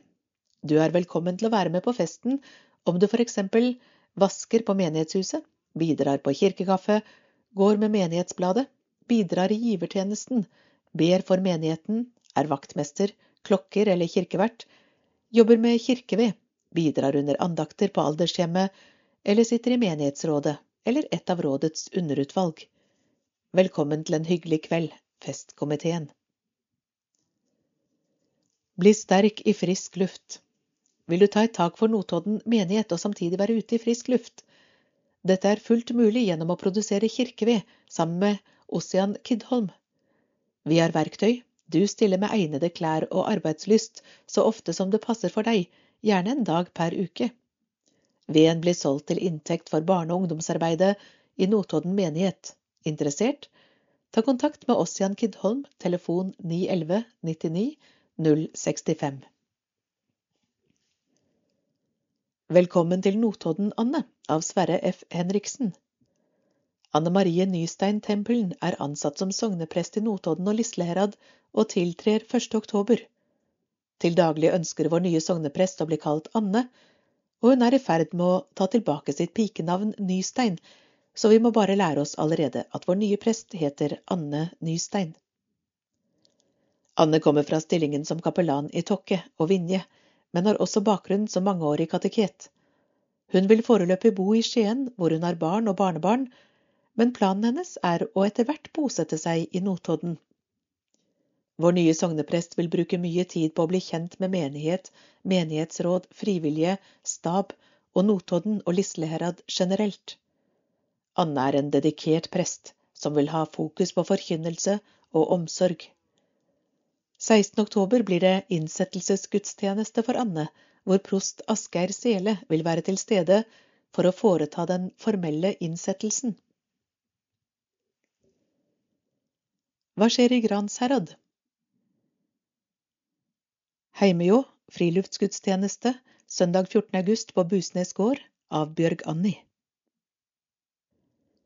En strålende søndag ga oss opptakten til en fin dag med gudstjeneste på Busnes gård vestre ved Tinnsjøen. Mange møtte opp denne dagen og fikk høre vakker musikk av organist Anne Vik. Magne Dale bidro med sang og gitarspill. Tema for søndagens preken var fra Markus 11, 25-26 og ble holdt av Christian Espeland. Etter gudstjenesten ble det servert kirkekaffe, som mange satte pris på, og ikke minst gjensynet med mange kjente. Et artig innslag var når eieren av stedet, Helge Anundskås, kom med to av sine yndige alpakkaer av en flokk på 30 som han har gående på beite. Alpakkaull fra disse blir sendt til telespinn i Flatdal, og nyspunnet garn kommer i retur. Vi fikk se prøver på dette bløte garnet, som egner seg særs godt til småbarnstøy. Han fikk mange spørsmål om gården, om produksjonen og behandling av ulla, det ble en fin søndag her ved Tinnsjøstranda, og god oppslutning denne gangen også. Innsettelsesgudstjeneste for sogneprest Terje Nyvold av Bjørg Anni Finnekåsa. Søndag 11. september var det innsettelsesgudstjeneste for sogneprest Terje Nyvold i Gransherad kirke, og mange kom for å ønske han velkommen. Etter gudstjenesten ble det servert kirkekaffe, som mange satte pris på. Referat fra konfirmasjonsgudstjenesten 27. august i Gransherad kirke av Kjell Aasland. På en aldeles strålende solskinnsdag, lørdag 27. august 2022, gikk ni flotte konfirmanter i prosesjon inn i en fullsatt Gransherad kirke, med høytidsstemt tonefølge av Bruremarsj etter Fykerud, i versjonen etter Knut Buen, med Anne Vik som organist. Konfirmantene denne dagen var Kristine Kaasa, Ingrid Grefsrud Bolkesjø, Kristina Skulestøyl Aas, Liv Marita Aasdalen, Torkil Nyheim Folserås, Sigmund Tveiten, Knut Halvor Reisjå, Håvard Haugan Aas og Ivan Wold Gjelsvik. Før prekenen fikk vi høre vakker solosang av Synne Marie Haugen med Voksesmerter av Maria Mena, oversatt av Trygve Skau, med Anne Vik ved pianoet. Tidligere sogneprest i Gransherad kirke, Anne Berit Sunde, hadde forberedt konfirmantene til denne store dagen og ledet gudstjenesten med stø hånd. Preken denne dag hadde utgangspunkt i evangeliet til apostelen Johannes, fjerde kapittel, 27. til 42. vers, der det fortelles om samaritankvinnen som møter Jesus ved brønnen.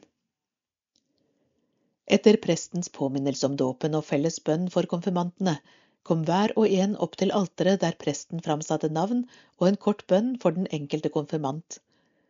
Når presten la handa si på konfirmantens hode, ble et lys tent for hver i globen. Etter at alle var konfirmert, delte kirkevertene ut en rose til hver som en hilsen fra sognerådet. Solist Synne Marie Haugen sang deretter vakkert Vår beste dag av Erik Bye, versjon Marit Larsen, akkompagnert av Anne Vik. Takkofferet ved gudstjenesten denne dag skulle gå til kirkelydens eget arbeid, med tonefølge av organisten som spilte Langt inne på ville hei i tradisjon etter Johannes Bakken. Etter velsignelsen ledet Anne Berit konfirmantene i ny prosesjon ut i solskinnet, mens Anne Vik spilte både på orgel og fløyte melodien Farvel til Amerika etter Fykerud i versjon av Knut Buen. Hva skjer i Heddal? Småbarnskafé. Velkommen til småbarnskafé hver tirsdag klokken 12 til 13.30 i Uppstugo, tredje etasje i Heddal låvekirke.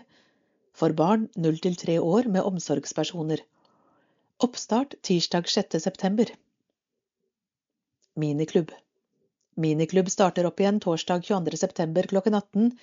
Dette er et aktivitetsklubbtilbud for barn fra tre til sju år, som møter hver torsdag klokken 18 til 19 i Uppstugu, tredje etasje, i Heddal låvekyrkje. Søsken er velkommen. Leder er barne- og ungdomsarbeider Anne Vik og kantor Julian Isaks. Takk. Mandag 13. juni hadde Heddal sogneråd fest i Kafé Olea for medlemmene av utvalgene i menigheten sammen med de ansatte. Der ble Anne Marie Halvorsen takket av for strålende innsats i flere år som leder av turistvirksomheten ved Stavkyrkja og driften av Kafé Olea. Mange takk, Anne Marie. Julemarked og julelotteri Julemarked 12. november.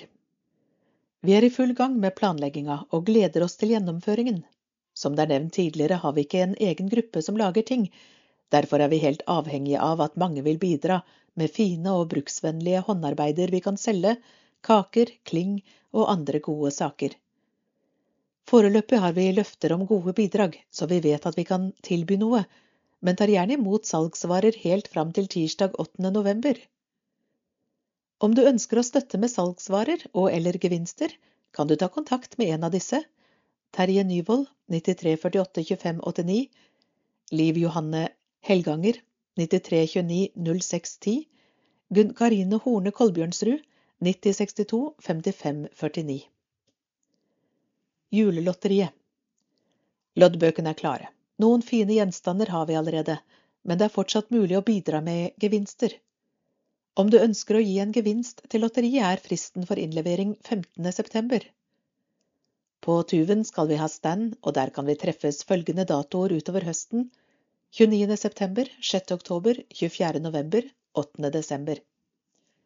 Muligheter for loddkjøp blir det annet ved ulike arrangementer i prestegårdsloven, på kirkekaffe, formiddagstreff og lignende.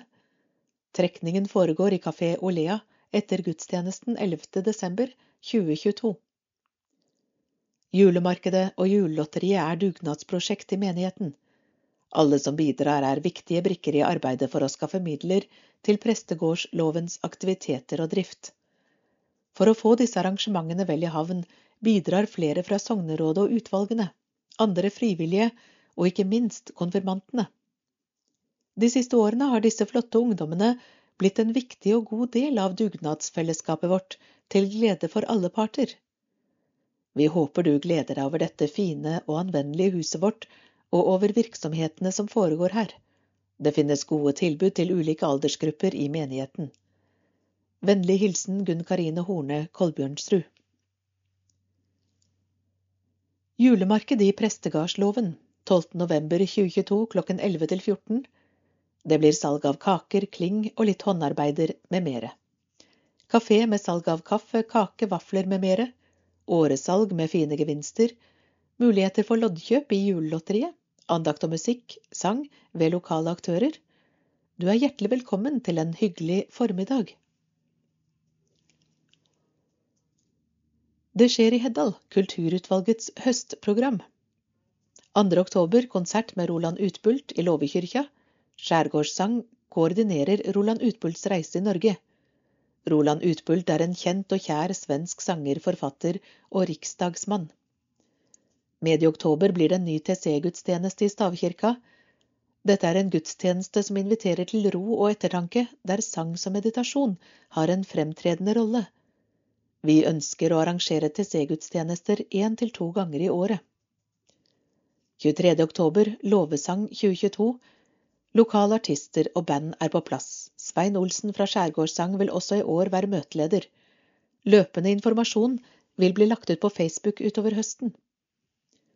20. november Låvekorets 25-års jubileumskonsert i Låvekyrkja. 27. november julekonsert med Trude Kristin Klebo. Hun er en ung sanger, pianist og låtskriver som annet har jobbet mye sammen med saksofonisten Frøydis Grorud. Gjennom Skjærgårdssang har vi fått henne til Låvekyrkja for en julekonsert der hun synger og spiller piano. Låvekoret innbyr til 25-års jubileumskonsert 20. november. I forbindelse med 850-årsjubileet til Heddal stavkirke i 1997 ble det startet et prosjektkor for å urframføre et verk av Sylke Feldthusen til tekst av Ingebjørg Kari Jamtveit Simones på Vandring gjennom kirkerommet. Prosjektet var så vellykket at sangerne besluttet å fortsette som et permanent kor, og ettersom Låvekyrkja er fast øvingslokale, ble det naturlig å ta navnet Låvekoret. Korets repertoar favner vidt, fra salmer og gospelsanger til viser, folketoner og musikaler. Dette har blant annet kommet til uttrykk ved en kirkekonsert i Låvekyrkja om høsten og en konsert i Sangerheimen om våren. Kor har deltatt på forskjellige arrangementer rundt i kommunen i løpet av disse årene, alene eller sammen med andre aktører. Låvekoret har to ganger deltatt på nyttårskonserten sammen med Notodden Bymusikk. Dessuten har koret vært utenlands og opptrådt på Island, i Nord-England og i Sveits. Etter at Sylke Feldthusen hadde vært korets faste dirigent og akkompagnatør i flere år, har koret hatt Trygve Mo, Jenny Halkvist og Hanna Eline Joins som dirigenter, og det er sistnevnte som dirigerer i jubileumsåret. Koret har nå 36 medlemmer, og mange har vært med fra starten i 1997. Det vitner om sangglede, trivsel og godt fellesskap. På jubileumskonserten vil koret framføre sanger fra alle epokene, med solister og Tor Egil Skaar som akkompagnatør. Vi håper på fullt hus for det blir minnerikt og opplevelsesrikt å få med seg kulturhistorien i Heddal, som låvekoret har bidratt med i 25 år. Diakoniutvalget i Heddal høstprogram 22. september formiddagstreff tema høst med lyrikk og musikk Bjørg Berg-Sem, Anne Vik og Julian Isaks 20. oktober formiddagstreff tema Livet på tinget Åslaug Sem Jacobsen 30. oktober, diakoniens dag, gudstjeneste klokken 11 med besøk fra Kirkens SOS ved Audun Haga. Låvekoret synger. Samling i Kafé Olea etter gudstjenesten. Audun Haga forteller om arbeidet Kirken SOS driver. Det serveres låvesuppe og kaffe og kake.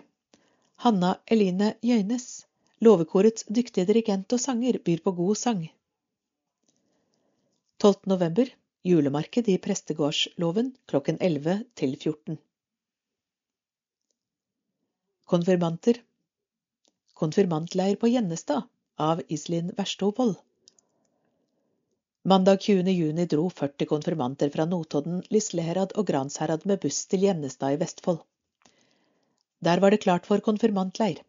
Da vi kom dit, ble vi møtt av flere ungdomsledere, og det var klart for innlosjering. Det var også konfirmanter fra Heddal, Tokke, Vinje, Hjartdal, Seljord og Kviteseid på leiren. På leiren var Ragnar Nøstrud og ungdomsarbeideren i Notodden menighet. Iselin Versto Wold, konfirmantansvarlige for konfirmantene fra Notodden.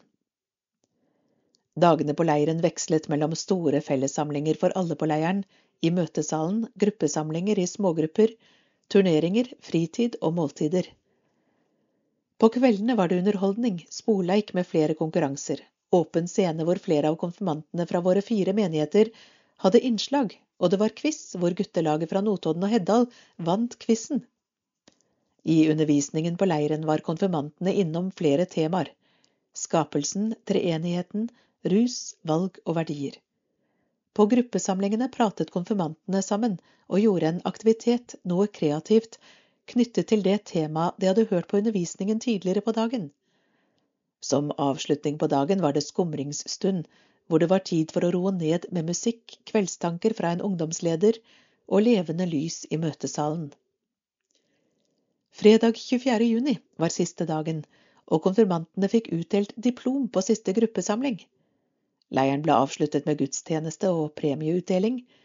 Det var en vellykket leir for konfirmantene, og det var en ivrig gjeng og vi konfirmantansvarlige opplevde at konfirmantene var fornøyde med leiren. Dette var noen høydepunkter for konfirmantene på leiren. Konfkamp, bli kjent med nye konfirmanter, åpen scene, vannkrig, Konf Challenge, spille volleyball og frisbee, gruppesamlinger, skumringsstund.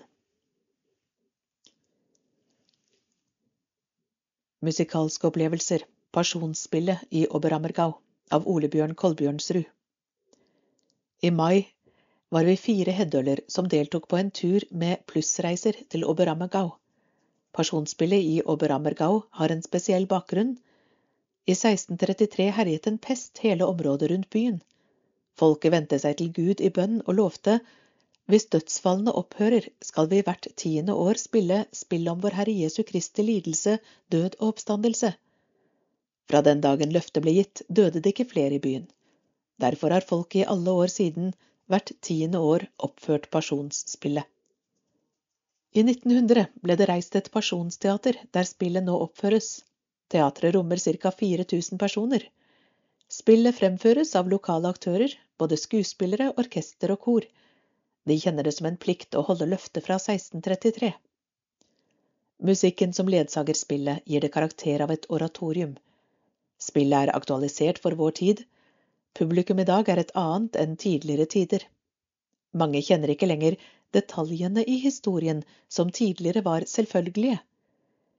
Pasjonsspillet ønsker å formidle budskapet om Jesu lidelse, død og oppstandelse, slik at det bygger opp og styrker dem som ser det.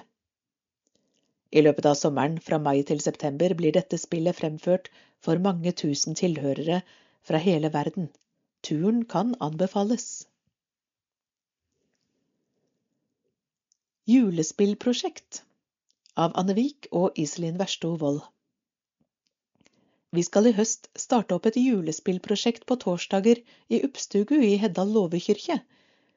Julespillprosjektet er et fellestiltak i trosopplæringen mellom Heddal og Notodden menigheter. Dette er et gratistilbud for barn fra sju til elleve år. Hovedlederne for julespillet er trosopplærer i Heddal, Anne Vik, og ungdomsarbeider i Notodden menighet, Iselin Verstovold. Julespillet heter Da Gud kom til jorden, og er laget av den svenske komponisten og tekstforfatteren Miriam Blomberg, og det er oversatt til norsk av Frøydis Stubbhaug. Vi vil gjerne ha med mange skuespillere fra sju til elleve år. Kanskje dette kunne passe for deg og klassekameraten din?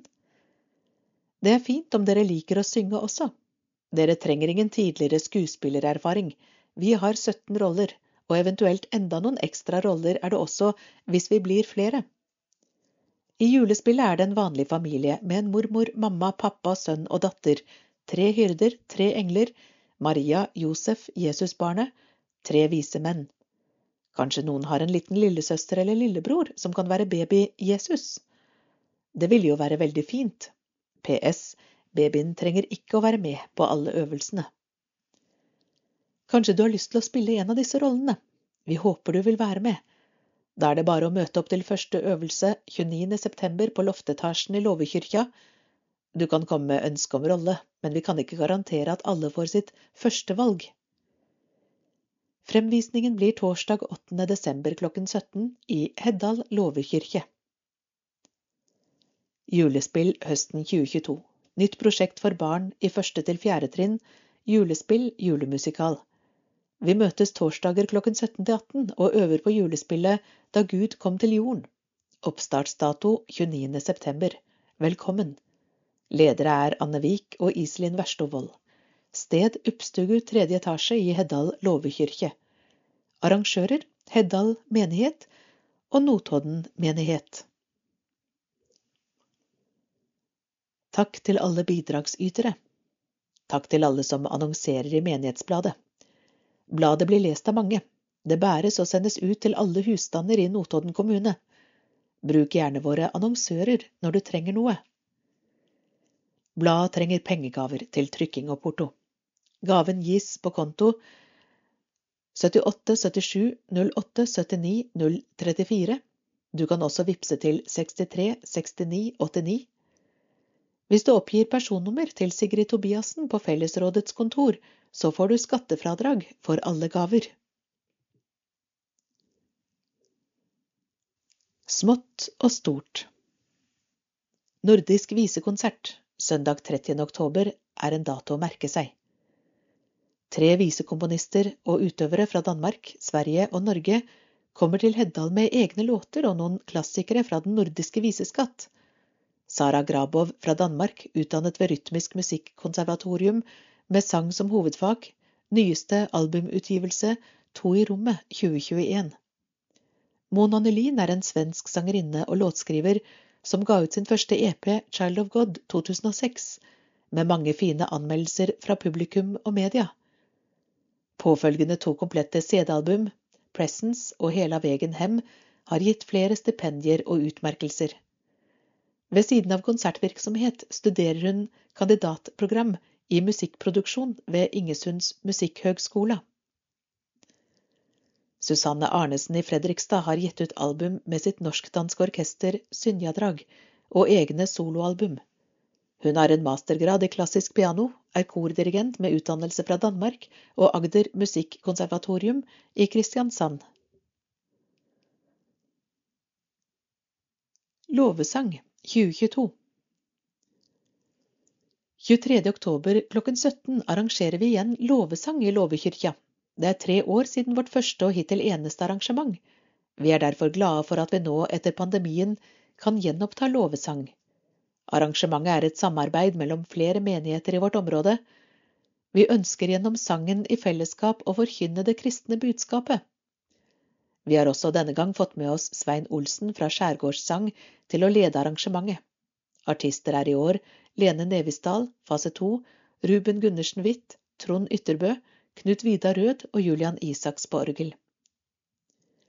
Vi har også i år det samme gode bandet som i 2019, bestående av Narve Furnes, Knut Vidar Rød, Even Rød og Fredrik Kolsæte. Dette kan bli utvidet noe på enkelte sanger. Det blir rikelig anledning til god fellessang anført av våre forsangere Marianne Timland, Elisabeth Skretting, Ståle Solberg, Anne Sofie Timland Knappskog, Sindia Waldmanne og Ruben Hvitt Gundersen. Jørn Øystein Johansen styrer lyden. Karoline Særsland teksten. Vakter stiller Tinnesmoen bedehus med, og Terje Prest blir med. Vi gleder oss. Konserter i Notodden kirke høsten 2022.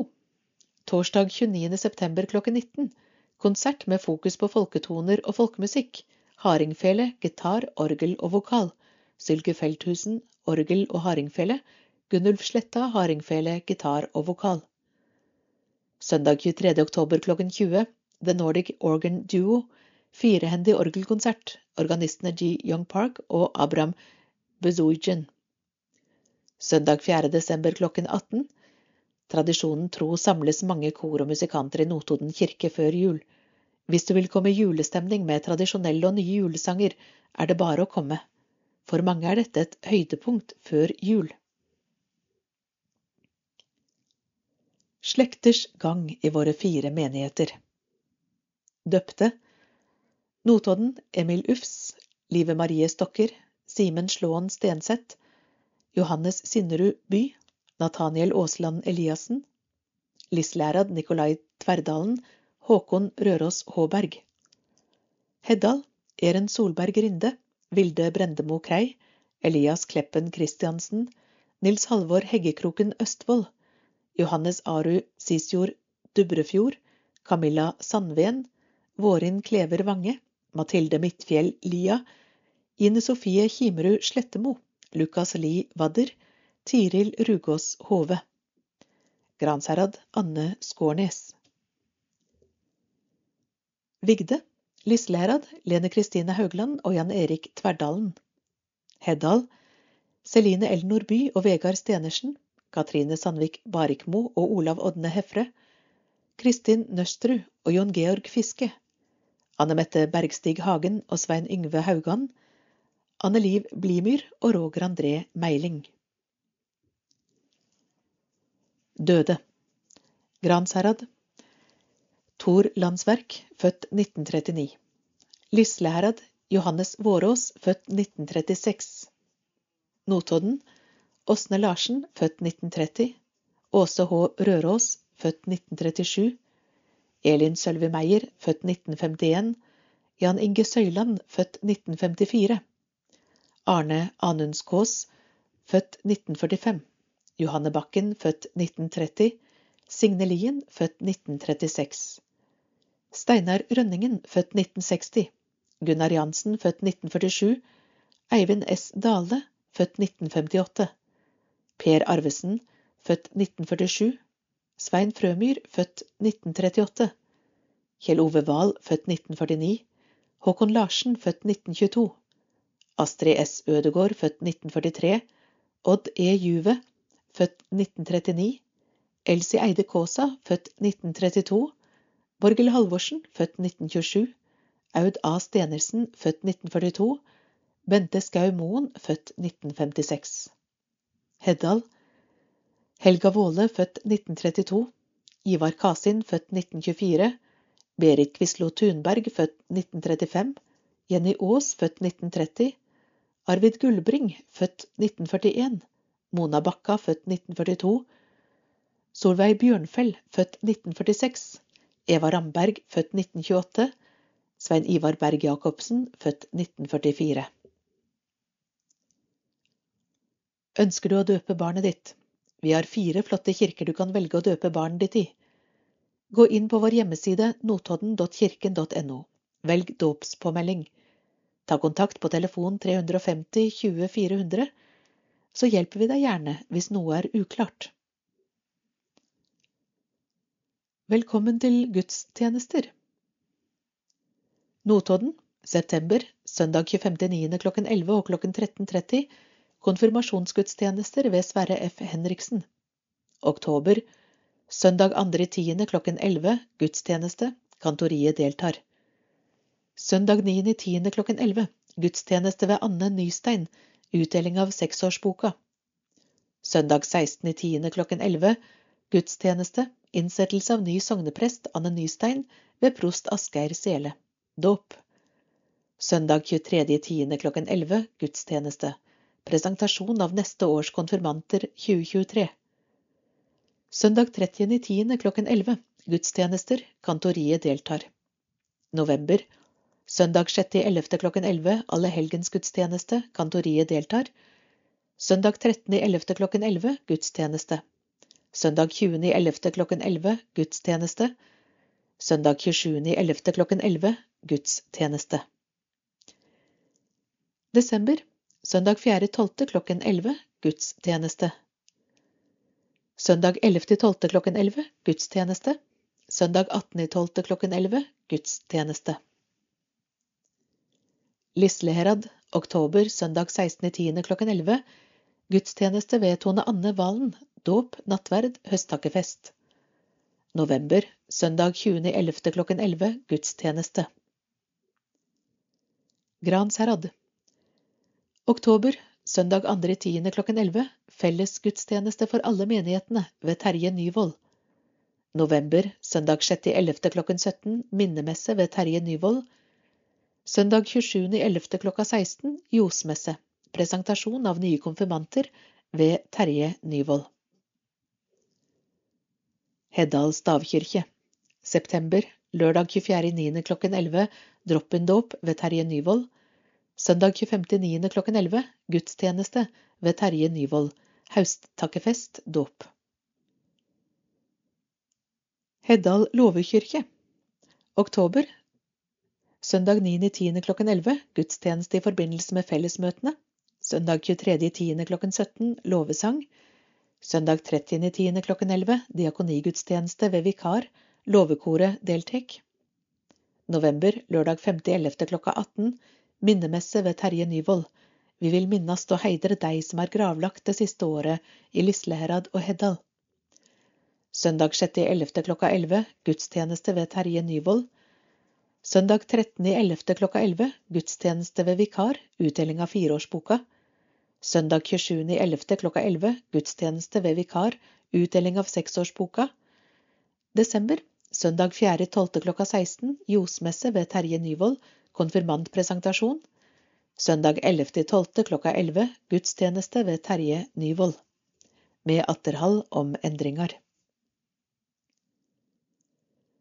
Vi synger og spiller julen inn Notodden kirke søndag 4. desember klokken 18. For første gang etter korona tar vi opp igjen adventstradisjonen vi synger og spiller julen inn andre søndag i advent. Byens kor og korps vil lage en hyggelig adventsstund i Notodden kirke med advents- og julesanger man kan synge med på eller lytte til. Notodden Kantori håndterer dette arrangementet på vegne av Notodden menighetsråd og bidrar med egne innslag. Det blir en liten endring i deltakerlisten siden Notodden Mannssangforening nå er lagt ned. Men Og helga natt hører med på denne dagen, og Odd Arne Torbjørnsen har lovet å synge den, akkompagnert av kantor Sylke Feldthusen på orgelet. Et nytt tilskudd i år er Bluestown Voices. De andre deltakerne er Notodden Bymusikk, Notodden Visekor, Mannskoret Brage, Notodden Damekor og Låvekoret. Kom gjerne tidlig for å sikre deg en plass. Sylke Feldthusen, kantor. Menighetsbladet for Gransherad, Heddal, Lisleherad og Notodden nummer tre i 2022 slutt.